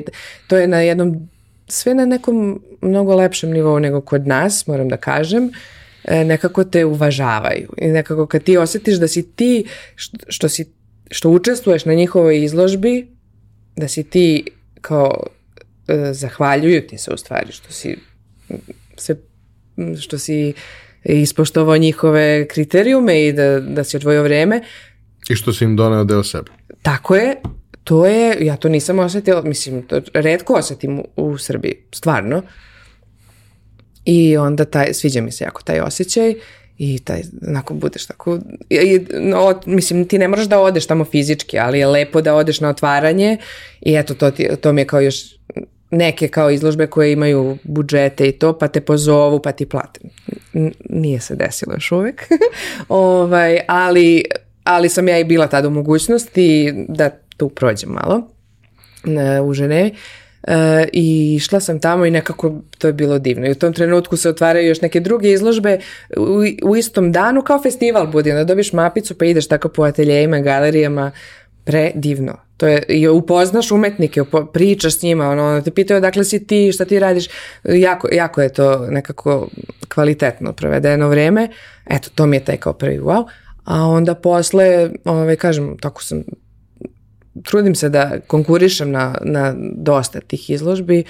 Mm, recimo, dobila sam jednu nagradu u Španiji, u Valenciji, e, to je bilo sad skoro, skoro, naravno korona, e, ne znam koja godina, e, tipa pre četiri godine, ne znam, verovatno sam pogrešila, ali sam dobila kao, to je kao, nije prva, druga, treća, nego kao četvrta. Honorable mention. Ove, ali to je isto kao nagrada za, na tom bijenalu keramike. E, I ja, mislim, od, odlepila sam od sreće i onda su me zvali i e, da dođem na to kao zvanično otvaranje i, to, i on, došla sam, oni su mi platili put i to, mislim, kao, wow. Um, stvarno sam se tu osjećala kao, kao ne, ne, ono, superstar, mislim, možda sad smešno zvuči nekome, ono, ali to je izložba, pa je bila kao pres konferencija, pa dođu kao novinari koji pričaju sa umetnicima koji su, ne znam, eto, ovaj je dobio nagradu, ovaj je, ne znam, organizator, ovaj je, ne znam, e, nagrad, ima kao studentski deo izložbe i kao pres konferencija. Nekoga u nekim- zanima. U nekim zemljama postoje ljudi koje to zanima i koje se bave. Ja ovako, gle, ja kao, wow, pres konferencija, kao što će oni mene da pitaju, kao pa verovatno odakle, odakle ti inspiracije, ali kao nema veze, ove, šta god da me pitaju e, i onda je bilo, znaš, kao to otvaranje, pa dodela tih diploma, pa su, pa su organizovali cijelu tu dodelu nagrada u jednom kao amfiteatru, pa je bio kao televizija, mislim, Big deal. baš je big deal, ono, meni je to stvarno, nikad se nisam osjećala kao bolje. Mislim, što se tiče tog kao karijernog dela. Um, A jel postoji nešto što uh, donese kao nadalje? U smislu, Aha. ne ni čak ono, uh, da li sad to znači da ćeš ti lakše i bolje da se prodaš, nego, Mhm. ne, nego prosto ono kao, je li to samo lepa stvar koja ti se desila ne, ne. ili ima svoj long tail? Ima, pa ima naravno, nego, zato što tu prvo ti kontakti, mislim, to, ni, ništa, tebi, ništa, e, ništa to tebi ne garantuje kao, e sad si ti došao tu, sad će tebe svuda da zovu i tako, nego op, ima tu i dosta tog ljudskog e, momenta ako se, ti- ako ti ostvariš lepu komunikaciju sa tim ljudima iz muzeja, onda će te možda pozvati za neki drugi projekat, ne znam, neka drugačija izložba, pa će te po, pozvati, na primjer, za to. Ili ako si bi, ove, evo sad sam bila u, u Francuskoj, na tom nekom, to je kao festi, e, zove se European Festival of Ceramics, e, na francusku. E, ne mogu sad na francusku. E, I to je kao neki između festivala i izložbe i tu sam, na primjer, upoznala fantastične ljude te iz organizacije koji su me zvali da e, kao jako super su svi reagovali na te moje rade, bila sam im čista egzotika tamo pošto eto razlikovalo se od, od, od njih. Mislim od tih umetnika tamo koji su kao česti onda uh, su me zvali kao pa ajde da kao sledeće, kao ne za sledeću, nego za tamo da konkurišeš za rezidenci, kao sigurno ćeš, mislim, želimo da dođeš opet, ono. Tako da nekako se otvaraju te mogućnosti, ono, opet najviše zavisi od mene da li to ću da se izorganizujem ili neću, ali desi se i da prodaš nešto. Mislim, i, i na tim, a, u- ali samo što je to drugačije, što to nije kao dođe neko, ja što je ovo lepo koliko košta, nego to su ipak više neki um, kao za neke muzejske kolekcije, za neke O, kao galeristi da, da. slično. to mm, još uvek mi se nije desilo tako pravo neke za, nešto za te neke muzejske paruštine velike, ali na tome radim. Mislim, to je to, zato što ti ipak e, koliko god da ti je rad dobar, ipak se gleda taj CV, bar ja tako mislim, jer i onda sad ja sam tu nakrcala i tu Italiju, ta Faenza, to je jako bitna izložba, na primjer za keramiku, jedna od tih Grand Slam izložbi. E, I ok, ta Švica i Turska i zaboravila sam Španija, o, Francuska, tako da to su ipak neke stvari koje govore, ono, kad ti, za svaku izložbu ili za svaki taj neki rezidens ili bez, svejedno, ti šalješ taj svoj CV, selektovan. Mislim, ne zani, neće niko sad to da čita tri strane tvog, tvojih svih izložbi ikada, ali te neke selektovane dosta govore i to je jednostavno na, na duge staze si ti neko, neko ko je radio tu karijeru, pa ti ponude nekad izložbu, nekad ovo, nekad ono. Nama je naravno e, sve mnogo komplikovano, ko- komplikovano iz ove zemlje, jer taj transport radova, prenos radova, carina, to je toliko otežavajuća jedna okolnost, e, tolika muka jedna u svemu tome lepom, e, jer ispade da jedino na carini tebe je neko iz državne ovaj, organizacije te smatra umetnikom. Jedino kad si na carin ti si umetnik i sad ti prenosiš umetničko delo. Kad si, o- kad si ovde bilo gde, šta su ti ove neke tamo sta, činije starudije i da, znaš, ni- nisi umetnik kad- za neke druge stvari ovde, e samo, samo te me na carini ovako ispoštuju. Pričao sam sa jednim momkom koji e, radi neku vrstu kombinovog crteža tušem i vodenim Mhm. bojama i nešto to stvarno izgleda prelepo. Znači ja stvarno ne znam da li to ima neku vrednost u smislu struke, Dobro.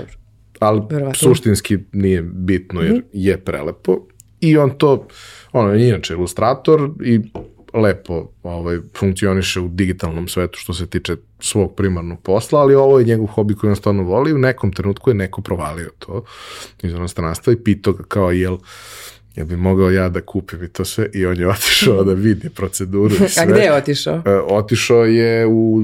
e, Jel u poštu ili neku... ne, ne, ne, Aha. gde se dobijaju karneti i sve Aha, to što treba u i Zavod sve. za zaštitu spomenika, da. E, To. I e, s- srećemo se, ne bi te pita šta je bilo s tim. E, ništa.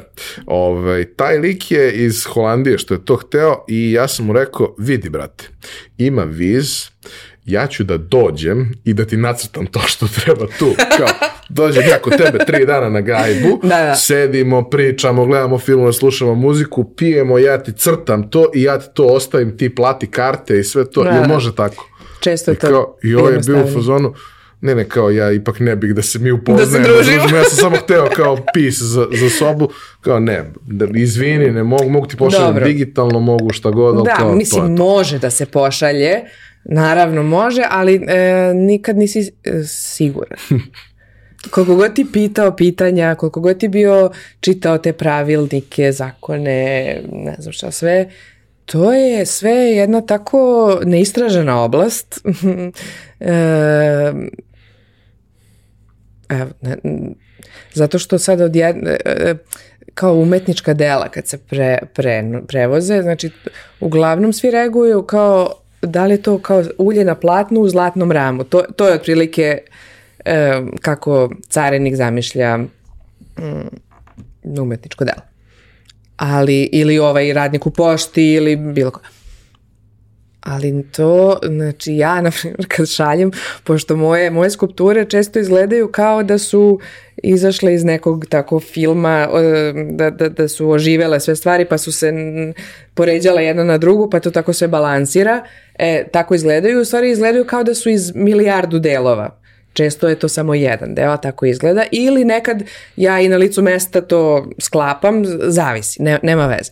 Ali svakako je malo onako neobično kad je to u kutiji, to kad se pakuje, kad se šalje, to je, e, to je umetnost Zaštititi, druge vrste. jasno. Ovaj, ali to tako kad se, kad se šalje i sad kad te pitaju ovaj, šta, šta je to, da li u pošte, mislim nekad šalje mi kao mm, za, stvarno sve, sve zavisi, ali u pošti mm, imamo i mi kao našu brzu poštu, kao ne znam, zanimljiva stvar, fun fact, EMS. Ovaj, e, I mo- nekad sam slala, ne, nekad stvarno je je jednostavnije tako poslati nego preko, ne znam, ono, od EHL i ostale, kao te firme. Ovaj, I jeftinije. A stigne. Mislim, stigne. I stigne u nekom vrlo razumnom. I jeste, jeste. I, Za Evropu posebno. da, da, da, pa da, za Evropu sam u stvari slala. Da. I, ovaj, I onda to od peripetija tamo u tom zavodu za zaštitu, da li je to sad jedna kompozicija ili više? Ako je više, onda plaćam ja više, ali ti moraš da pla... Znači, samo da, evo, moram da kažem ovako, da iskažem javno jedan paradoks. Ti šalješ svoj rad na izložbu, znači nekomercijalnu Aktivnost. aktivnost, da, e, sa tvojim imenom i prezimenom i sa zemljom, znači ispod mog imena piše Srbija. I ja predstavljam svoju zemlju na toj izložbi. I ja nemam ništa olakšano, znači da ja moram da idem u Zavod za zaštitu spomenika i da platim neku ono, da mi, lupila sam pečat kao sad, e, o, to je taj zvuk, e, da, da platim tu neku potvrdu za izvoz.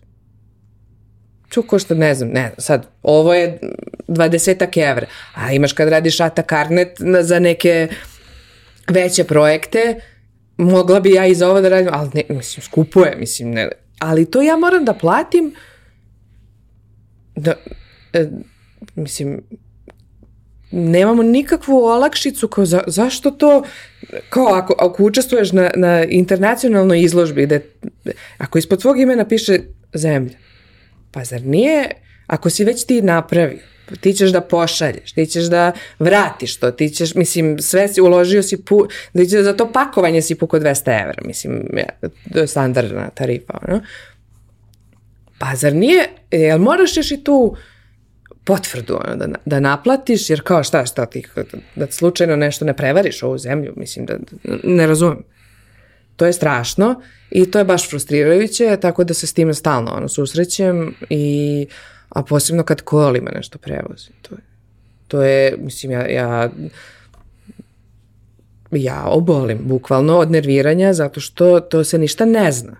Zato što ti kad nosiš nešto, da da li, si ti to, da li ti to nosiš ovako ili ćeš, ili ćeš to da vratiš? U trenutku znam, možda mi se slomi, na možda poklonim vlasniku muzeja tu moju skulpturu pa ne vratim. A nisam je prodala, nego sam Da, poklonila onda nije privremeni izbor. onda nije privremeni. Onda, ako je trajne, što je vraćaš sad, moraš- da platiš za svoj rad, onda, a onda ti platiš, ako je ne vratiš, onda ti za svoj rad plaćaš, ne, znači, Pre sedam godina, jedan od prvih intervjua koje smo radili za moju firmu, idemo kod ovih uh, veselih drugara što uh, imaju svoju radionicu koja se zove Green Shield Workshop. I oni prave sve te neke viteške oklepe, Aha. mačeve Aha. i sve slično. I sad naravno jedan deo toga je razne neke stvari iz igrica, šlemovi i slično. Deo toga su neke upotrebni predmeti raznog vrsta. Deo toga je- nekakvo oružje, ali realno nije oružje, a deo toga su, da kažemo, angažovali su ih, pošto su zaista vrhunski majstori, da radi neke muzejske eksponate, neke replike Aha, na osnovu aha. istorijskih crteža i tako dalje. I sad kao, znaš, pričamo mi kao šta je najveći problem, najveći problem je što ne možeš da definišeš šta je to što mi Da. nosimo, jer to je oružje, a to ne može da se, ali Da. i nije oružje, ali isto ne može ni u toj varijanti. I onda kao, bukvalno ne bi im bilo u koži. skladištenje, kao kako to sve, postoji procedura za oružje, ali nema za hladno oružje, a oni ne prave, znaš, kao ne prave puške. Da, da. I sad kao gomila stvari u nekom limbu i naravno sad... A više se isplati možda da pravo oružje prevoziti. Ja. Ovaj, deset godina kasnije ti provališ sve te stvari, Da, da. ali u tih deset Pola- godina da. sto puta ti dođe da odustaneš od Jest, svega. jest. Ja sam jednom otišla u poštu i slala sam, uh, ono, ja kao fizičko lice, slala sam nekoj poluprijateljici, nebitno, u Nemačkoj, nije, ni, stvarno nije bitno, uh, može bilo koja zemlja bude u pitanju, uh, šest šoljica, nekih, šarenih, mojih. I dolazim na, na šalter i kao popujem sve to, kao otvoreno, ja rekao, otvoren mi je paket da, kao vidite, znam, znam za jadac, ovaj, kaže, šta šaljete? Ja rekao, šoljice. Koliko komada? Šest. Kaže, ne može, može dve. kao, čekaj, idemo iz početka, kao, kako ste vi to, došli do tog zaključka da ja mogu dve šoljice da pošaljem? I to je u stvari taj dan je za- zavisio samo zbog te, zato što je ta žena bila na tom šalteru u tom trenutku, ali ja rekao, dobro, aj samo, ajmo sad iz početka, ja šaljem ovih šest šoljica, dajte mi recite proceduru. I na kraju, kaže, a pa morate da idete na Novi Beograd e, u neki tamo glavnu centralu, nemam pojma šta. Ja rekao, gospođo, molim vas, ja sam ovo slala već sto puta ovako i kao zašto ne bi mogla, mislim, zašto ne bi mogla, kakve dve šoljice, ne razumem, ono, daj mi, pokažite mi to prav, pravilo gde, gde piše ne šest, može dve. I na kraju sam uspela, ali taj pretrpljeni mentalni maltret, to mi niko neće nikad nadoknaditi, ovaj, niti bilo kome ko se bavi bilo čime što nije ono trenerka, mislim. Da pošalješ knjigu. Ili, a da, e, to, je- to je isto nešto, jel, da. Mo, m, ša, šta šaljete? Dve knjige. Ne može, može jedno. Ali iste su. Mislim, kako se vi zovete? Kao što piše na knjizi, Aha, a kome šaljete?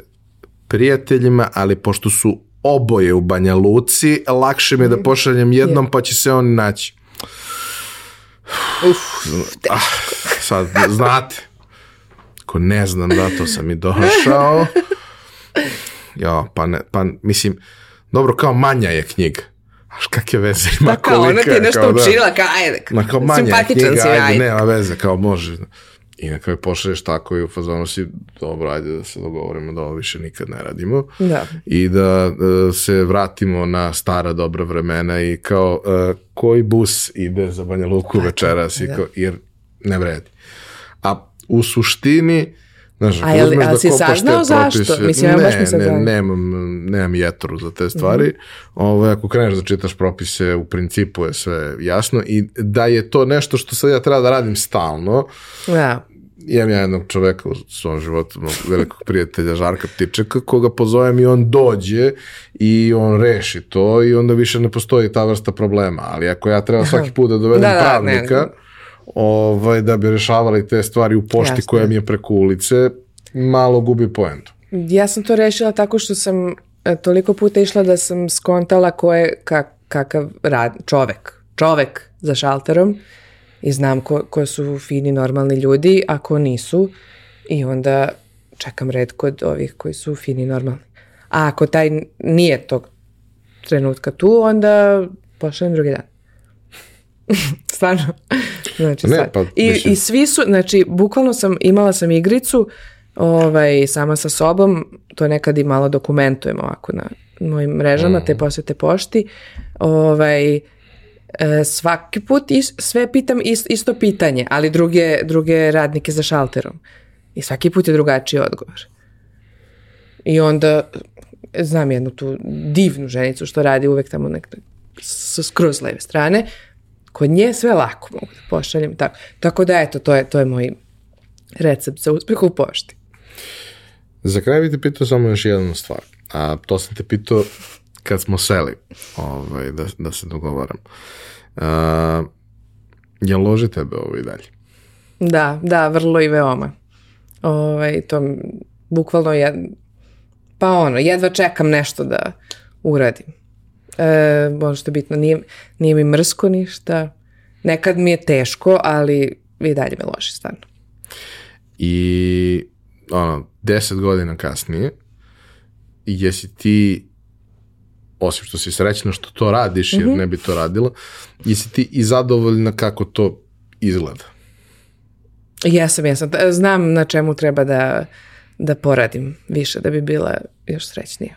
Mislim, imam neke, e, neke te kao zamisli mene za deset godina, ali pošto ja verujem u baksu, neću to sad da kažem. Zato Ne, što... ne, ne treba da kažeš, nego prosto šta mi je bila ideja, ideja mi je bila da pokažemo da prvo, jako je važno da si i dalje srećan da ti i dalje loži, jer ne bi te ložilo da to nisi radila na pravi način. Deset godina da, Da. radiš protiv sebe, ne postoji način da budeš i da, dalje da. srećna.